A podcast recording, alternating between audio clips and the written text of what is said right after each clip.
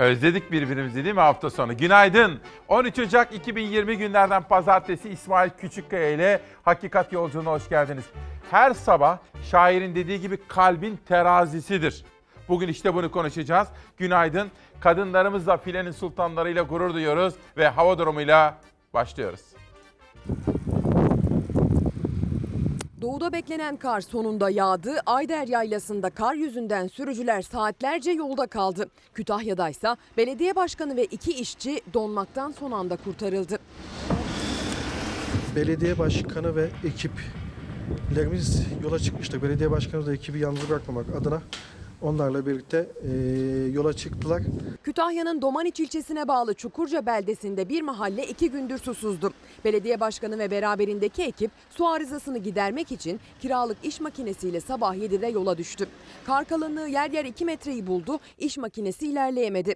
Yürüyerek 5 saatte ulaştıkları çalışma alanından akşam işi bitirip geri dönerken telefonlarının şarjı bitti. arızayı giderdikten sonra akşam oldu.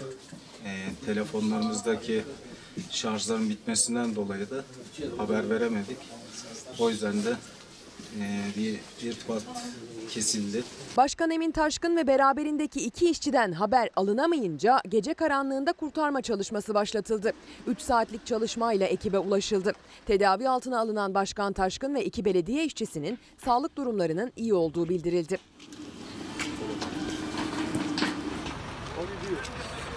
Hafta sonu kar görmek için Ayder'e çıkanlarsa geri dönüş yolunda çile yaşadı. Yoğun kar ve buzlanma hazırlıksız sürücülere zor anlar yaşattı. Zincir taktım çıkamıyorum. Adam zincir almamış peşine sus. Polis jandarma diyor ki ceza yazarım. Rize'nin Çamlıhemşin ilçesinde bulunan ünlü turizm merkezi Ayder Yaylası'nda kar yağışının ardından trafik durma noktasına geldi. Buzlanmayla birlikte hazırlıksız sürücüler ilerleyemeyince uzun kuyruklar oluştu. Yaklaşık 2 saattir biz bekliyoruz. Daha önce gelenler de var.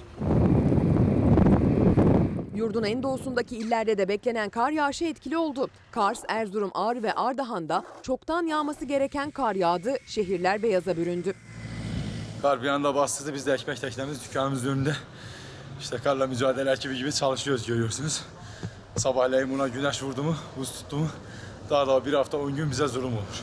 Karla mücadele konusunda tecrübeli vatandaş dükkanının önünü yaklaşan soğuk ve karlı günlere hazırlamak için ter döktü. Gece saatlerinde termometre değerlerinin eksi 20 derecelere kadar düştüğü bölgede ekipler aralıksız kar mücadelesi veriyor. Hava durumunun çok daha detaylı haberlerini sizlere anlatma imkanı bulacağım. İlk selamımızı vermek isterim günün ve haftanın ilk selamını hastalarımıza göndermek isterim ve onlara ilgilenen, onlarla ilgilenen, onlara böyle bebek gibi şefkatle, özenle bakan doktorlar, hemşireler, hasta bakıcılarımız ve refakatçilerini de sevgi ve saygıyla selamlıyorum. Peki ilk soru da şu gelsin. Bizim spordaki en büyük gururumuz kimdir? Kimlerdir? Futbol değil maalesef. Kadınlarımız, özellikle de voleyboldaki kadınlarımız, filenin sultanları. Dün akşam final maçına kilitlendik. Almanya ile çok zorlu geçmesi beklenen bir maça çıkmışlardı. Saatler 19.30'da ama bizim kızlarımız, kadınlarımız yine başardılar ve Almanya gibi çok güçlü bir takımı 3-0 gibi net bir skorla geçmeyi bildiler ve biz kızlarımızla, kadınlarımızla ne kadar övünsek, ne kadar gurur duysak azdır. Onlar şampiyon oldular ve Tokyo'daki finallere katılmayı hak ettiler. Onlarla gurur duyuyoruz.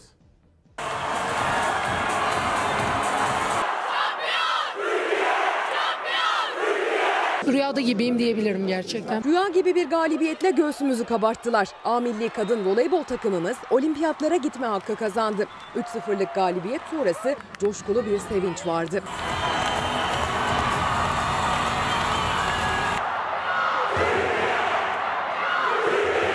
...2020'de Tokyo Olimpiyat Oyunları'nda rüzgar gibi esecek kırmızı beyazlı ekip vizeyi aldılar. Filenin sultanları 2020 Çev Tokyo Olimpiyat Oyunları Avrupa kıta elemeleri final maçında Almanya'yı 3-0 yendi. Maç sonrası sultanların kaptanı Eda Erdem Dündar sevincini basınla paylaştı. Çok mutlu ve gururluyuz. Ee, çok zorlu bir turnuvaydı bizim için. Kötü başladık. Sonrasında çok zorlandığımız maçlar ortaya koyduk ama bu maçlar bizi tekrardan takım yaptı. Hollanda'da oynanan maçta tribünler doluydu. Hollanda'da yaşayan gurbetçiler kırmızı beyazlı ekibi yalnız bırakmadı. Bütün çalışmalarımızın, emeklerimizin sonucunu Tokyo vizesiyle aldık. Çok mutluyum. Ee, emeği geçen herkese çok teşekkür ederim. Sevinenleri görüyorum. Genç bir çalar saat annesi, bir oğlak kızıdır.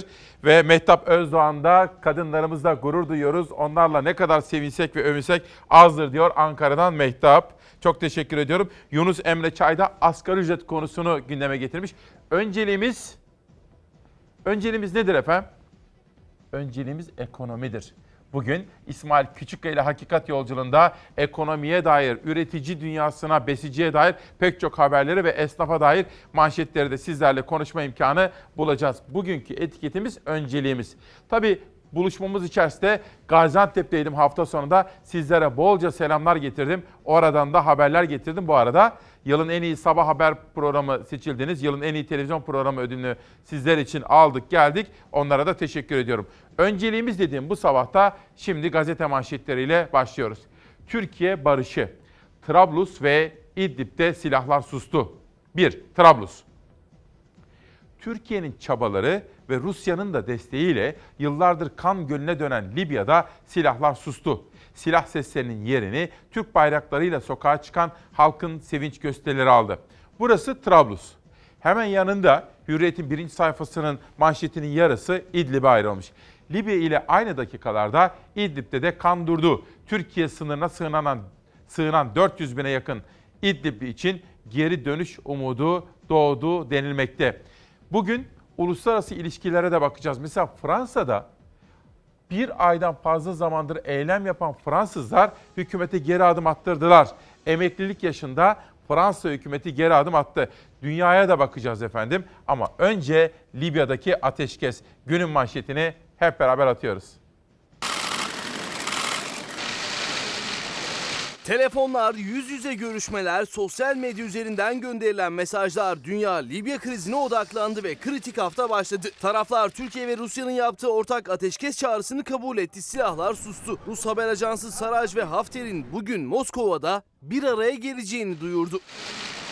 Cumhurbaşkanı Erdoğan'ın İstanbul'da Putin'le yaptığı görüşme sonrası Türkiye ve Rusya Libya'daki taraflara 12 Ocak'tan itibaren ateşkes çağrısında bulunmuştu. Ulusal Mutabakat Hükümeti ateşkes çağrısına olumlu yanıt verdi. Darbeci General Hafter ise önce çağrıya hayır dedi. Bu yanıtla birlikte Libya'daki krizin çözülmesi için baş döndüren diplomasi trafiği başladı.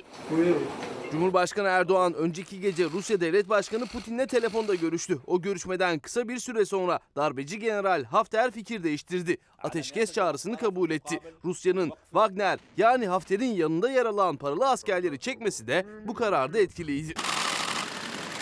Türkiye'nin destek verdiği hatta asker de gönderdiği Libya Ulusal Mutabakat Hükümeti'nin başbakanı Saraysa dün İstanbul'a geldi. Libya'da sağlanan ateşkesin ardından gerçekleşen ilk görüşme Cumhurbaşkanı Erdoğan, Libya Ulusal Mutabakat Hükümeti Başkanı Saraj'la bir araya geldi. Diplomasi trafiğinde yeni hafta ile birlikte karşılıklı adımlar hızlanacak. Bugün İtalya Başbakanı Conte çantasında Libya dosyasıyla Türkiye'ye geliyor. Rusya Devlet Başkanı Putin ise Kremlin Sarayı'nda Almanya Başbakanı Merkel'i ağırladı. Putin Libya konusunda Erdoğan'la yaptığı görüşmenin detaylarını anlattı. Cumhurbaşkanı Erdoğan Merkel'le telefonda Libya konusunu görüştü.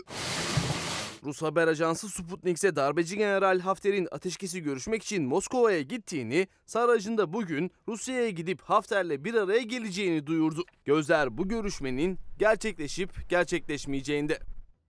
Böylece gecenin yeni haftanın ilk günündeki en sıcak haberlerini günün haftanın ilk manşetlerini aktarmış olduk. Hava durumuna dair detaylar, ekonomi ve üreticiye dair manşetler ve kadınlarımızla voleybolda Almanya 3-0 yenen voleybol takımımızda da övüneceğiz efendim. Bugünkü manşetimizde bunlar var. Daha sonra FETÖ ile mücadele, FETÖ'nün siyasi ayağı nerede diye bir soru soracağız.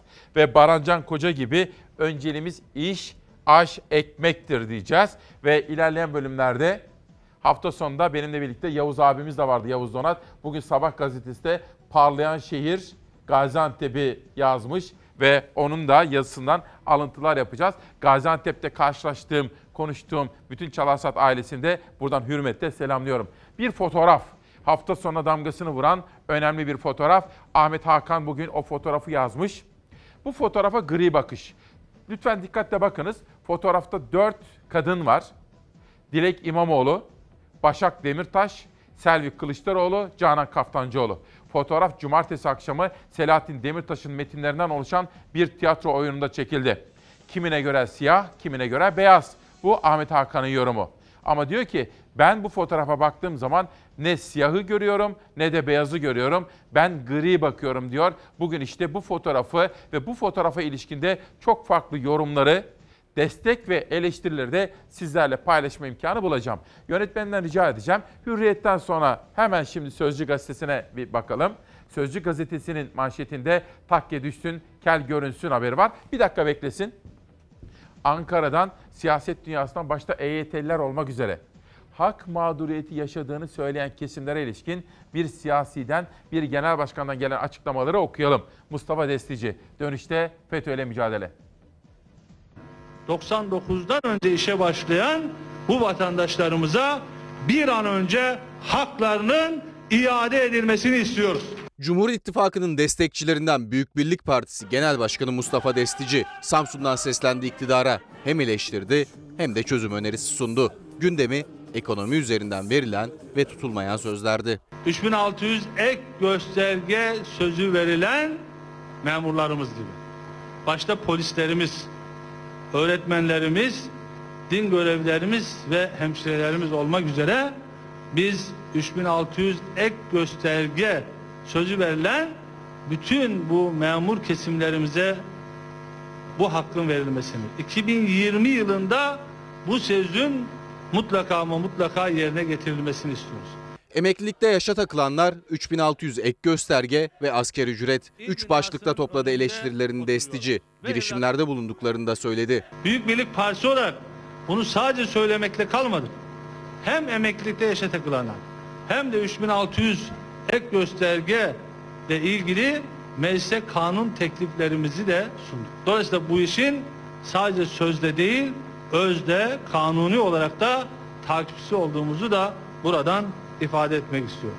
2017 yılındaki 16 Nisan referandumu, 24 Haziran 2018'deki Cumhurbaşkanlığı seçimleri ve 31 Mart yerel seçimlerinde AK Parti ve MHP'yi desteklemişti Büyük Birlik Partisi. Genel Başkan Mustafa Destici'nin bir eleştirisi de asgari ücrete yönelikti.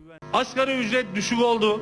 Bunun için de dedik ki asgari ücrete %22.5 zam yapılarak 2475 TL olmasını biz teklif ettik. Şayet bizim teklifimiz kabul olsaydı ben inanıyorum ki hem işçi kesimi hem işveren kesimi hem de sendikalarımız bundan memnun olacaklardı. Az evvel ilk selamımızı hastanelere yollamıştık veya evlerinde, hasta yataklarında bizimle yeni güne başlayanlara selam söylemiştik. İkinci selamımızı annelerimize yollayalım. Babalarımızdan bunu öğrendik. Hani bir isteğin var mı baba? Bir ihtiyacın var mı? Yok evladım bana sorma. Annene sor diyen babalarımızı da sevgi ve saygıyla eğer bu dünyada değillerse rahmetle anıyoruz. İkinci selamımız da annelerimize olsun. FETÖ ile mücadele konusunda bugün size önemli manşetlerden haberler seçtik. CHP, FETÖ'nün siyasi ayağı için araştırma önergesi verdi. Takke düşsün, kel görünsün. Herkesin beklentisi araştırma önergesine AKP ve MHP evet desin, kimin FETÖ'ye yardım edip etmediği ortaya çıksın, pislik temizlensin diyor. CHP'nin bu konuda bir önergesi var. Hafta sonunda konuşan MHP lideri Devlet Bahçeli'nin sözleri de var ve Ankara'daki siyaset kulislerindeki en son manşetleri özel haberlerimizle de dahil olmak üzere sizlere anlatma imkanı bulacağız. Bir de trafik. Trafikte işaretlere uymamız gerekiyor. Trafik işaretçilerine de uymamız gerekiyor. Dünyanın her tarafında bu kural geçerli. İki sürücü de trafik kurallarını hiçe saydı, kaza kaçınılmaz oldu. Çin'de trafik ve araç içi kameraları kaydetti kazayı. Kavşakta iki yöne de kırmızı ışık yandı. Ancak sürücüler durmak yerine son bir hamleyle geçmeye kalkışınca hızla çarpıştılar. Çarpışmanın şiddetiyle minibüs devrildi. Anne ve iki çocuğu yola savruldu. Çarpışmayla yön değiştiren otomobil ise trafik lambasına çarptı. Kazada şans eseri can kaybı olmadı. Anne ve çocukları hafif yaralandı. Polis minibüs şoförünün alkollü olduğunu belirlerken iki şoföre de ceza kesti.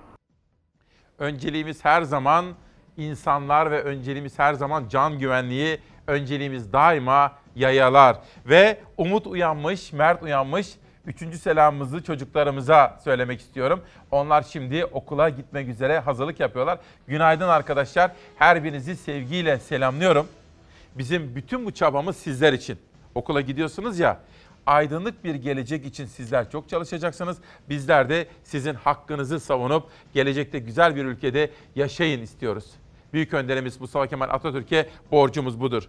Uyanan Çalarsat ailesi Mehmet Akkuyu ve Cengiz Göktürk. Cengiz Bey diyor ki İsmail abi güvenlik korucuları asgari ücretin altına düştü. Önceliğimiz insan onuruna yaraşır bir hayat diyorum. Sözcüden bir haber daha sonra Sabah gazetesine geçeceğim. Sözcünün FETÖ'ye karşı duruşu açıktır.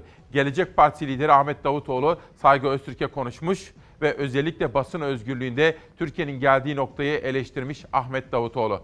AKP'den ayrılıp Gelecek Partisi'ni kuran Ahmet Davutoğlu sözcüye verilen mahkumiyet kararına tepki gösterdi. Davutoğlu gazetenin FETÖ ile ilgili yayınlar ortada. Hukuki durumda bunlar dikkate alınmalı dedi. Davutoğlu partisinin genel merkezinde Saygı Öztürk'e konuştu. Basının baskı altına alınmadığı bir düzen inşa edeceğiz dedi. Ben de size bir soru sormak isterim. Nasıl buluyorsunuz? Gerek Ali Babacan, gerek Ahmet Davutoğlu yeni partileşme çalışmaları var. Adalet ve Kalkınma Partisi için 2020 yılı kolay geçmeyecek. Çünkü içinden çıkan iki siyasi isim iki yeni partiyle kendilerini eleştirmeye başlayacaklar efendim. Bu konudaki duygu ve düşüncelerinizi gerçekten merak ediyorum. Sizlere şöyle bir aydan fazla zamandır Fransa'daki eylemler konusunda haberler sunuyorum. Hükümet Fransa'daki eylemlerden sonra geri adım attı ve emeklilikte 64 yaş sınırında geri adım atma kararı aldı.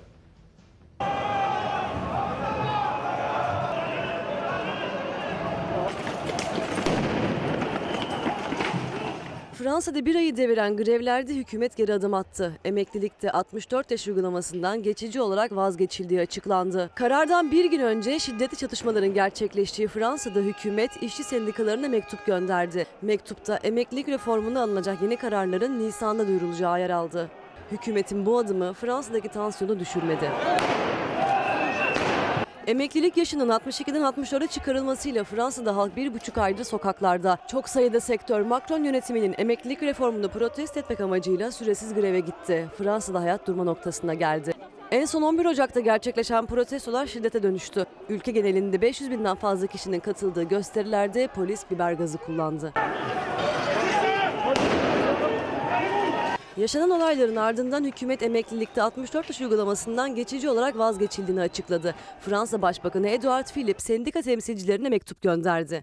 42 emeklilik türünün kaldırılacağını, emeklilik sistemine tek bir düzen getireceğini yazdı. Mektupta işçilerin tam emeklilik maaşı alabilmeleri için 64 yaşını doldurmaları gerektiği düzenlemeden de geçici olarak vazgeçildiği yer aldı. Alınan yeni kararların Nisan'da açıklanacağı ifade edildi. Fransa'da Genel İş Konfederasyonu açıklamayı yeterli bulmadı. Reformun geçici olarak değil tamamen geri çekilmesi gerektiği bir kez daha vurgulandı. Sendikalar 16 Ocak dedi. Ülke genelinde yeniden gösteri çağrısı yaptılar. Hem yerel gazete manşetleri üzerinden Türkiye turuna çıkacağız hem de dünyadaki gelişmeleri sizlere anlatmaya çalışacağız ki dolu dolu bir gün olsun. Demek ki efendim bugün filenin sultanlarıyla gurur duyacağız. Libya ve İdlib'deki ateşkes meselesi günün manşeti olacak ama önceliğimiz deprem.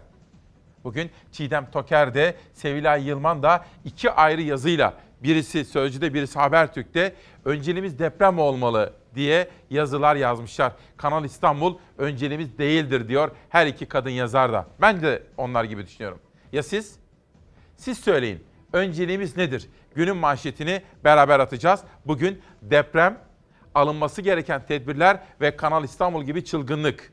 Bütün bunları da konuşma imkanı bulacağız. Uyanan İsmail Küçükkaya ile Çalarsat ailesine bir bakalım. İzmir'den Aynur Kamçıcı ve Ordu'dan Ümit Akkaya da uyanmış ve Türkiye'mize sağlık ve esenlik dileklerini göndermişler. Sözcü'den Sabah gazetesine geçiyorum. Sabah gazetesinin manşetinde Türkiye'nin çifte ateşkes başarısı. Az evvel Hürriyet gazetesiyle de bu manşeti sizlerle paylaşma imkanı bulmuştum. Başkan Erdoğan'ın yoğun diplomatik çabaları sayesinde İdlib ve Trablus'ta ateşkes yürürlüğe girdi. Yüz binlerce sivil rahat nefes aldı diyor. Bunu biraz önce Hürriyet'ten de okuduğum için ve haberi de sizlere sunduğum için şimdilik bir parantez açıyorum ama Erdoğan dün birisiyle konuştu. Bir genç kızımızla kadının gücü ve engel tanımayan bir kızımız o. Küçük yaşlarda geçirdiği bir rahatsızlık nedeniyle konuşamıyor. Ama aklı çok çalışıyor. Kafası çok çalışıyor. Gözleri ışıl ışıl. Hayata böyle dört elle sarılan akıllı bir, bir kızımız o. Ve ATV'de yayınlanan yarışmada 125 bin lira kazandı. Sosyal medya günlerdir onu konuşuyordu. Cumhurbaşkanı dün o kızımızı aradı.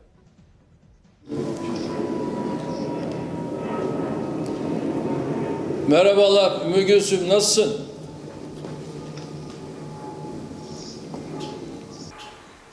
Seni çok heyecanlı görüyorum.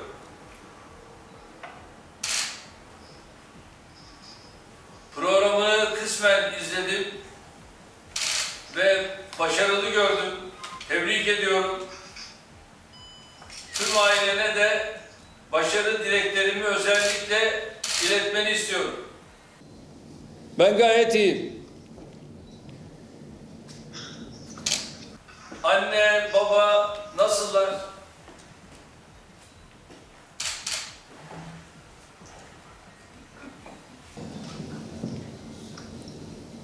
Şu anda kamudaki görev Artvin'de mi?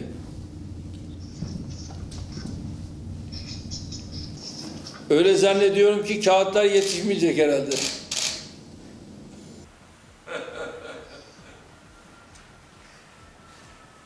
Çevre mühendisliğini nerede bitirdin?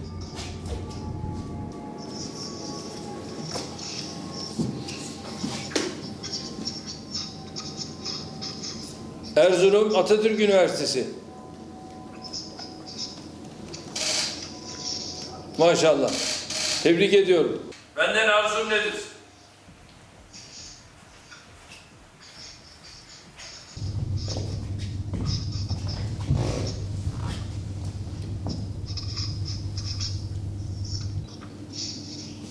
Çok çok teşekkür ediyorum. Sağ olasın, var olasın. Güzel bir sürpriz yaptı. Ve ben Ümmü Gülsüm'le özellikle görüntülü olarak bu akşam tanışma fırsatını bulduğum için çok mutluyum.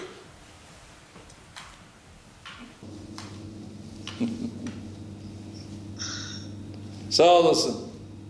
Anneye, babaya, bütün aileye çok çok benden selamlar.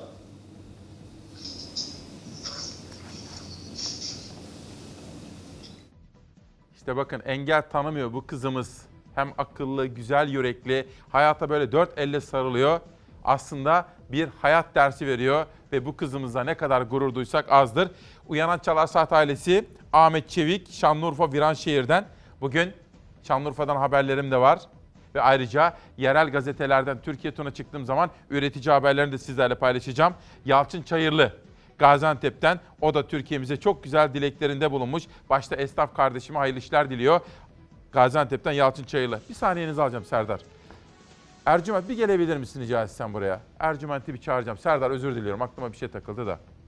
Şimdi az evvel kızımızı izlediniz ya. Sende mikrofon var mı? Ha, gel o zaman şununla bir konuşalım. Bu kızımızın haberini izledik. Çok enteresan bir, bir olay. Nasıl yorumluyorsun? Konuşma bozukluğu olan bir arkadaşımız. Duyabiliyor ama konuşamıyor. Bu ülkemizde nadiren e, karşılaştığımız bir grup. E, çok az da olsa e, sıkıntı yaşıyorlar. Haliyle e, tek iletişim yolu işte yazılı ama tabii teknolojiyle... Başka ne yapabiliriz bu kızımıza? Yani bu arkadaşımızın e, yani duymadan yana bir sorun olmadığı için iletişimle ilgili sadece kendini ifade edebileceği bir teknolojik e, destek verebilir. Belki e, o cihazlarla daha hızlı Yapılabilir değil mi? ifade yapılabilir. Peki çok teşekkür ederim. Kusura bakma, aklıma takıldı da bir an için. Sabah gazetesinde Cumhurbaşkanı Erdoğan'a ilişkin bir haber vardı. Bu arada günün medya notlarında ben önemli buldum. Hani farklı manşetleri de sizlere paylaşacağım. Bugün Günaydın Ekin'de de Başkan Erdoğan Özal gibi inandığını hayata geçiriyor diyor. Tuğba Kalçın röportajı rahmetli Özal'ın eşiyle bir röportaj yapılmış. Semra Hanım bugün konuşmuş ve Erdoğan'la ilgili övgü dolu sözler söylemiş Günaydın'da manşette. Sabahtan Cumhuriyet'e geçiyorum. Atatürk'e sansür manşetini görüyorum şimdi.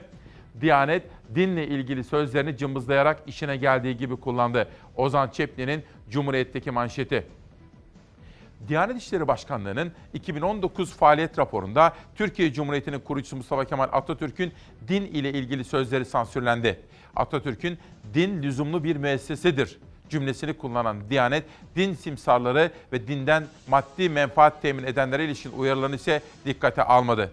Diyanet'in raporunda ayrıca 78 başlıkta hedefler sıralandı. Eğitim alanında birçok görevi devralan Diyanet'in en dikkat çekici hedefi ise müfredat hazırlamak oldu. Diyanet programında Milli Eğitim Bakanlığı'nın görevi olan müfredat için 682 bin liralık bütçe ayrıldı denilmekte. İşte böyle yoğun bir gün ve günden bizi bekliyor. Bugün eğitim ve kültür dünyasından haberleri de sizlerle paylaşacağım. Rumeli Türkleri Vakfı'nın bir konseri var akşam. Melek Bey'den, Melek Aras'tan bir haber anlatacağım. Berin Hanım'dan Çevin Genç Yıldızlar konseri de var bu akşam. Kültür ve sanattan. Fazıl Say'la da ilgili bir notum var ama onu yarına bırakıyorum. Kültür ve sanat derken sporu da ihmal etmeyeceğiz. Kadın voleybol takımımıza ne kadar gurur duyduğumuzu söylemiştim. Gelelim futbol dünyasına. Fenerbahçe Başkanı Ali Koç zehir zemberek bir açıklama yaptı. Önemli bir açıklama yaptı ve dün sosyal medyada o kadar çok konuşuldu ki Ali Koç'un özellikle Fenerbahçe Futbol Federasyonu ve centilmenlik konusundaki sözleri önemliydi. Gelelim diğer rakibimize. Trabzonspor'a. Trabzonspor sağ olsun Türkiye'de haklı reka- rekabetin, adil rekabetin bekçisi konumunda neredeyse gün aşırı konuşmalar yapıyor. Ama sırtını devlete dayamış. Bunu koskoca şehrin belediye başkanı bu açıklamayı yapıyor. Bu açıklamanın şurasında bütün burada Sayın Karaman'ın istifası ve bunun bazı bakanlarımızla ilişkilendirilmemesi gerektiğini ifade eder iken yine Fenerbahçe, yine devre arası, yine ahlaksızlık, yine başa, başaramayacaklar diyor. Nereden yani aklına esti? Bu cinlik nereden? Beşinci maddede bir bakandan bahsediyor. Trabzonspor'un hiçbir zaman işleyişine karışmadı. Sadece Trabzonspor yönetimi hangi konuda kapısını çalarsa yardımcı oldu. Öyle bir yardımcı oldu ki iflas etti denilen kulüp yeniden şampiyonluk yarışına girdi. Nasıl yardım? Ben merak ediyorum. Nasıl yardımcı olmuş? Hele bu kadar kısa sürede Şubat'tan Mayıs'a kadar. Bitmedi. Yine bu tartışmayla ilgili bir milletvekilimiz tweetler atıyor. Türkiye'nin en büyük bir medya grubu tarafından sahipleniliyor. Devlet ciddi anlamda yardım ediyor ki onlar da açık açık söylüyorlar. Ben söylemiyorum. Sizin belediye başkanınız, milletvekiliniz söylüyor. Artık yani yeter artık.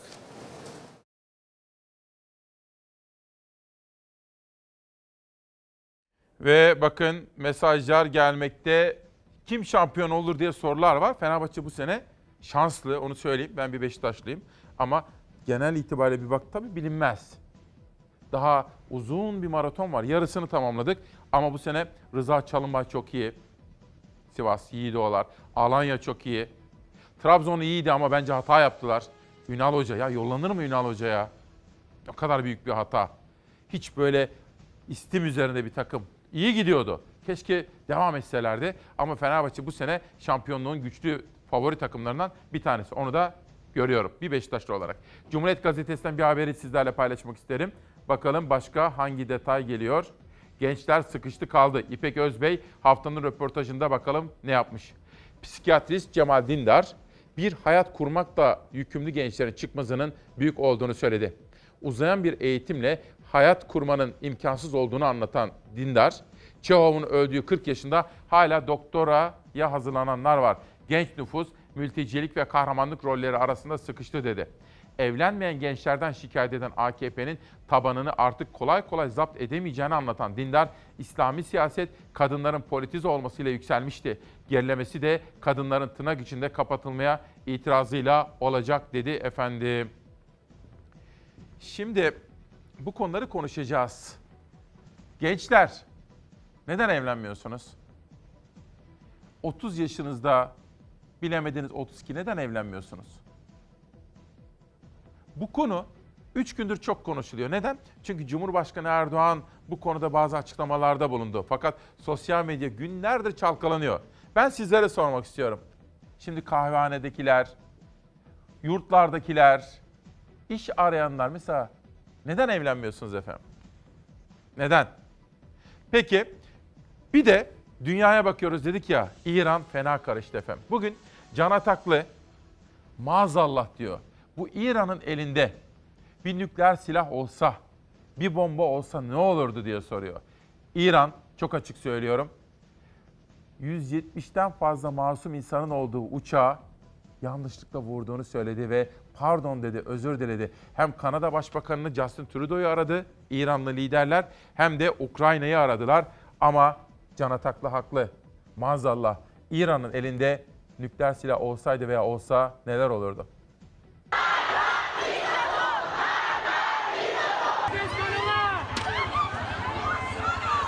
İran yolcu uçağını düşürdüğünü itiraf etti ama töreni rejim karşıtı protestoya dönüştü. Diktatöre ölüm sloganları atıldı. Öğrenciler Tahran Üniversitesi girişine çizilen Amerika ve İsrail bayraklarına basmayı reddetti. Asıl düşman İran yönetimi dedi.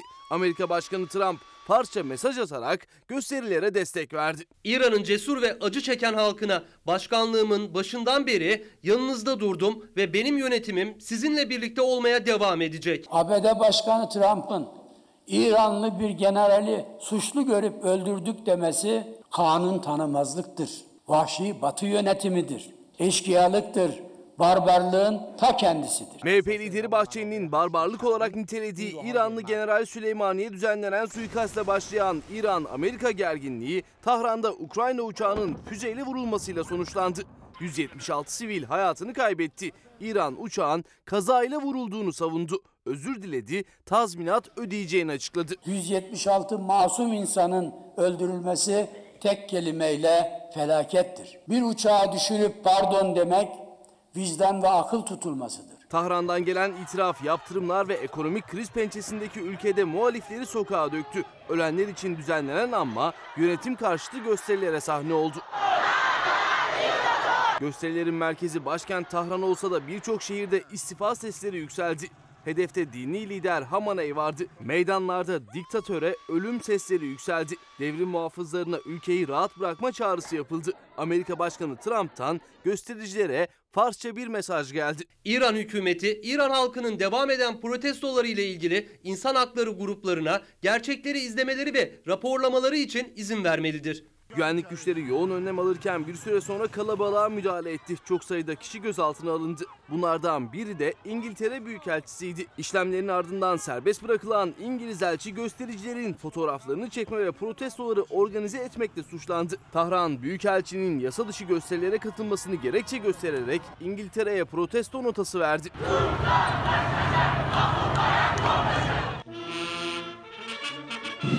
İngiltere ile gerilen tahrının dün kritik bir misafiri vardı. Katar emiri Şeyh El Sani İran'ı ziyaret etti. Dini lider Hamaney ve Cumhurbaşkanı Ruhani ile görüştü. İran, Cumhuriyet İslamiye İran barha. Dün yaşanan protestolarda ilginç bir anda kameralara böyle yansıdı. Polis ve besiç milisleri meydanları kuşatırken gösterilerin adresi Tahran Üniversitesi'ydi. Hükümete tepki gösteren öğrenciler yere çizilen İsrail ve Amerika bayrağının üstünden geçmeyi reddettiler. Basanlara tepki gösterdiler. Bir şarap, bir şarap, bir şarap. Gece saatlerinde de İran genelinde eylemler vardı. Başta başkent Tahran olmak üzere hükümet karşıtları Meşet, Tebriz, Şiraz, Yezd, Ahvaz, Kazvin, Kermanşah ve Senendeç şehirlerinde sokaklara çıktı. Eylemciler Kasım Süleymani'nin posterlerini yırttı, rejim karşıtı sloganlar attı. Polisin eylemcilere müdahalesi sert oldu. Göstericilere göz yaşartıcı gazla joplarla müdahale etti. Bazı noktalarda protestocuların üzerine gerçek mermiyle ateş açıldığı iddia edildi. Ülkede tansiyon hala çok yüksek. İran iki vahim hata yaptı ve karizmayı fena halde çizdi efendim. Can Ataklı'nın sorusu haklı bir sorudur. Ya bunların elinde nükleer silah olsa ne olurdu diye soruyor. Esnafa ilişkin haberler var. Akın Ferit, İsmail Bey önceliğimiz kredi sicil affı. Esnafın hali hiç de iyi değil derken Yozgat'tan Necat Demir de Türkiye'mize iyi dileklerini sunmuş efendim. Cumhuriyet'ten Akit'e geçiyorum. Tarım haberleri var bugün. Bolca sizlere üretici ve besici dünyasından haberleri aktarma imkanı bulacağım. Tarım ve Orman Bakanı Doktor Bekir Bakdemirli yeni akite konuşmuş. Tohum ihtiyacının %96'sını kendimiz üretiyoruz demiş. Ama ben sizlere ilerleyen dakikalarda arpa başta olmak üzere tahıl, mesela buğday neden ithal ediyoruz? Bu konudaki haberleri de anlatma imkanı bulacağım. Şöyle bir dışarıya bakabilir miyim? Yönetmenim Serdar'dan rica etsem. Günaydın Türkiye. Bugün 13 Ocak 2020 İsmail Küçüköy ile Hakikat Yolculuğundasınız. Şairin dediği gibi her sabah aslında kalbin terazisidir. Çok severim bu tabiri. Kalbin terazisi. Ben de diyorum ki her sabah kalbin terazisidir. Öyle kuyumcu terazisi gibi incelikli bir şekilde ölçüm yapar. Günün ve haftanın hava durumu. Bugün Karadeniz'in doğusunda kuvvetli yağış görülebilir. Hafta ortasından itibaren ise Ege ve Akdeniz'de kuvvetli yağışın riski artacağı benziyor. Hafta boyunca yurt genelinde sıcaklıklar mevsim normalleri dolaylarında seyredecek. Bugün sıcaklıklar yurt genelinde kış normallerinde yani hava soğuk. Yağışlı hava ise Doğu Karadeniz ve Doğu Anadolu'nun en doğusunda etkili olacak. Doğu kesimler dışında iç ve batı kesimlerde hava açık, gün içinde güneşli ancak gece ve sabah saatlerinde sis ve pus var dikkat edilmeli. Doğu Anadolu'nun en doğu ve güney kesimlerinde bugün genellikle kar şeklinde düşecek yağış. Doğu Karadeniz'de ise yağışlar bugün kıyıda zaman zaman kuvvetli yağmur şeklinde görülebilir. Yükseklerde ise kar yağışı yoğun olabilir. Pazartesiden salıya geçerken yağış etkisini yitiriyor. Salı günü gün içinde neredeyse hiç yağış yok. İç ve batı kesimlerde gün içinde bulutlanma giderek artacak. Zaman zaman güneş de görülecek ancak gitgide kararan gökyüzü salı akşam saatlerde Ege kıyılarında yağmura neden olabilir. Salı ve çarşamba günlerinde iç ve batı kesimlerde buzlanma ve don kazaları beraberinde getirebilir. Tedbirli olunmalı. Çarşamba Akdeniz'le Ege'de yağmur kuvvetini artırabilir. Marmara ve İç Anadolu bölgesinde ise yağışlı havanın etkisi Perşembe gününden itibaren görülecek. Hava durumuna biraz daha yakından bakacağız. Türkiye geneline şöyle bir çıkacağız ama az evvel sizlere bir soru sormuştum. Özellikle gençlere. Hani Cumhurbaşkanı söylüyordu ya. Neden evlenmiyorsunuz? 30'unuza kadar geldiniz. Yok. Neden? 40'a geldiniz. Bakın Süleyman Koçak benim memleketimden Simav'dan, Kütahya Simav'dan. İsmail'im diyor. İş yok, aş yok. Gençler nasıl evlensin, neyle, hangi parayla? Aşk karın doyuruyor mu? Söyle bana diye soruyor Süleyman Koçak. Cem atlatırlar. İsmail Bey bu kadar hayat pahalılığıyla evlenmek kolay mı? Bakın çok farklı noktalarda mesajlar gelmekte. Akit'teki tarım haberinden bir gündeki çılgın projelere geçiyorum. Bizi bu çılgın projeler mahvetti. Ama bir dakika. Çılgın projelere değineceğim ama bugün Habertürk'te Sevilay Yılman, Sözcü Gazetesi'nde Çiğdem Toker, İstanbul'un ve Türkiye'nin önceliği depremdir, çılgın proje değildir başlıklı iki ayrı yazı kaleme almışlar. Ama bir gündeki haberi okumadan hemen evvel Türkiye genelinde 13 Ocak 2020 Pazartesi'nin ve haftanın yurt genelindeki hava durumu. Doğuda beklenen kar sonunda yağdı. Ayder Yaylası'nda kar yüzünden sürücüler saatlerce yolda kaldı. Kütahya'da ise belediye başkanı ve iki işçi donmaktan son anda kurtarıldı. Belediye başkanı ve ekiplerimiz yola çıkmıştık. Belediye başkanı da ekibi yalnız bırakmamak adına Onlarla birlikte e, yola çıktılar. Kütahya'nın Domaniç ilçesine bağlı Çukurca beldesinde bir mahalle iki gündür susuzdu. Belediye başkanı ve beraberindeki ekip su arızasını gidermek için kiralık iş makinesiyle sabah 7'de yola düştü. Kar kalınlığı yer yer 2 metreyi buldu, iş makinesi ilerleyemedi. Yürüyerek 5 saatte ulaştıkları çalışma alanından akşam işi bitirip geri dönerken telefonlarının şarjı bitti. Arızayı giderdikten sonra akşam oldu. Ee, telefonlarımızdaki şarjların bitmesinden dolayı da haber veremedik. O yüzden de e, bir irtibat kesildi. Başkan Emin Taşkın ve beraberindeki iki işçiden haber alınamayınca gece karanlığında kurtarma çalışması başlatıldı. 3 saatlik çalışmayla ekibe ulaşıldı. Tedavi altına alınan Başkan Taşkın ve iki belediye işçisinin sağlık durumlarının iyi olduğu bildirildi.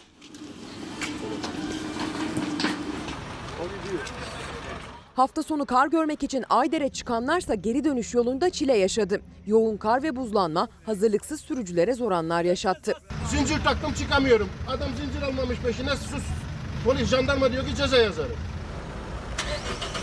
Rize'nin Çamlıhemşin ilçesinde bulunan ünlü turizm merkezi Ayder Yaylası'nda kar yağışının ardından trafik durma noktasına geldi.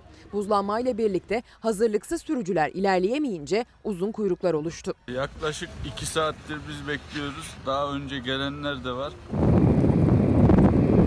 Yurdun en doğusundaki illerde de beklenen kar yağışı etkili oldu. Kars, Erzurum, Ağrı ve Ardahan'da çoktan yağması gereken kar yağdı, şehirler beyaza büründü. Kar bir anda bastırdı. Biz de ekmek teknemiz dükkanımızın önünde. İşte karla mücadele ekibi gibi çalışıyoruz görüyorsunuz.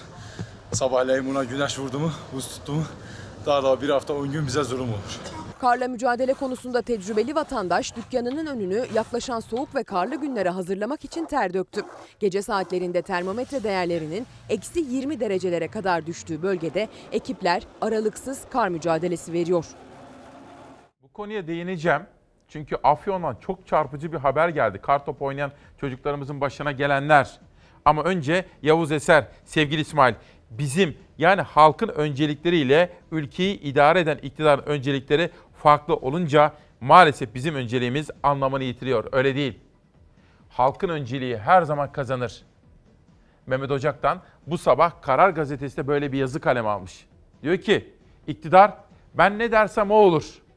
Ben ne istersem onu yaparım. Şeklindeki bir yaklaşıma bu tuzağa düştüğü anda kaybeder diyor. Ve AK Parti'yi eleştiriyor. Bugüne kadar destekleye geldiği AK Parti'nin kurulduğu günlerden itibaren şimdi tamamen farklılaştığını söylüyor Karar Gazetesi yazarı Mehmet Ocak'tan. Çılgın projeler. Bir günden manşet. 6 mega projeye toplamda 320 milyar lira harcandı. Hepsi hüsranla sonuçlandı. AKP tarafından asrın projesi, zafer anıtı, çağ açıp çağ kapatacak gibi ifadelerle tanıtılan projeler zamanla birer başarısızlık abidesine dönüştü. 1. Fatih Projesi. 2010 yılında başlatılmış ve 8 milyar 500 milyon lira bütçe ayrılmıştı.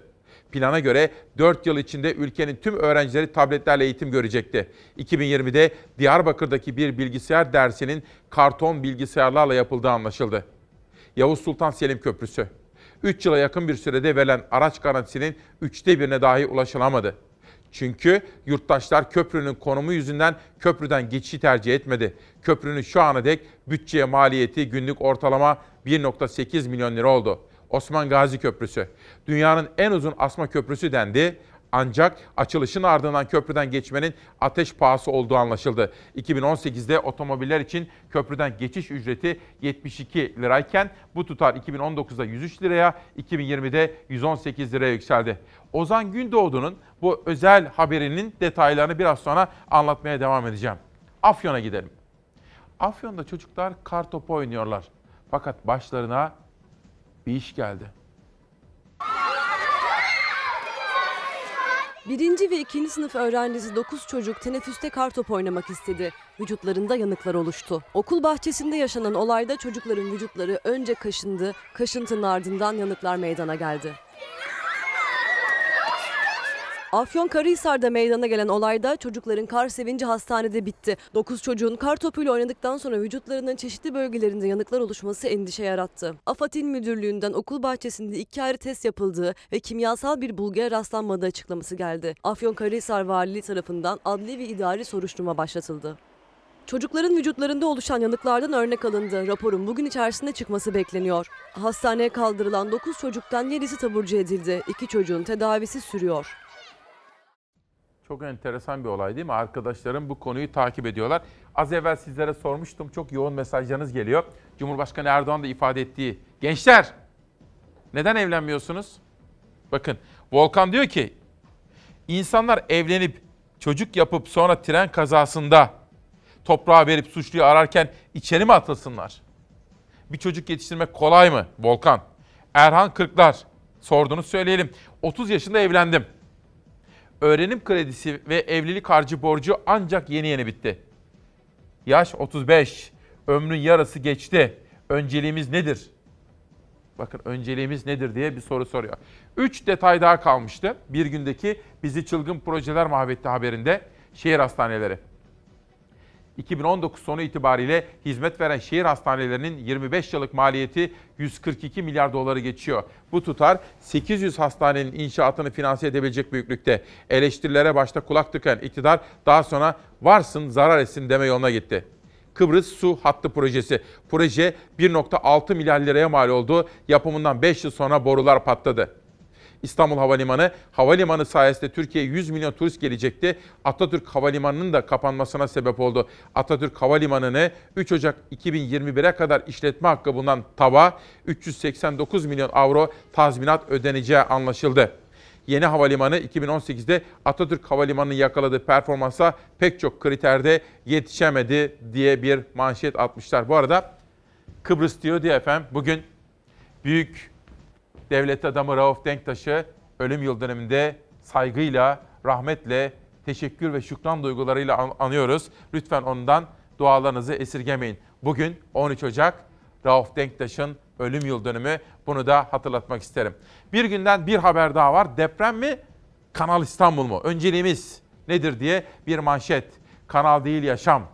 Ya Kanal ya İstanbul İnisiyatifi'nin çağrısıyla Kanal İstanbul projesine hayır demek için Küçükçekmece Gölü etrafında bir araya gelen yüzlerce İstanbullu insan zinciri oluşturdu. Küçükçekmece Gölü ve Küçükçekmece Taşköprü olmak üzere iki noktada bir araya gelen yurttaşlar kanala değil depreme bütçe pankartı açtı denilmekte. Bunun haberini izleyeceğim.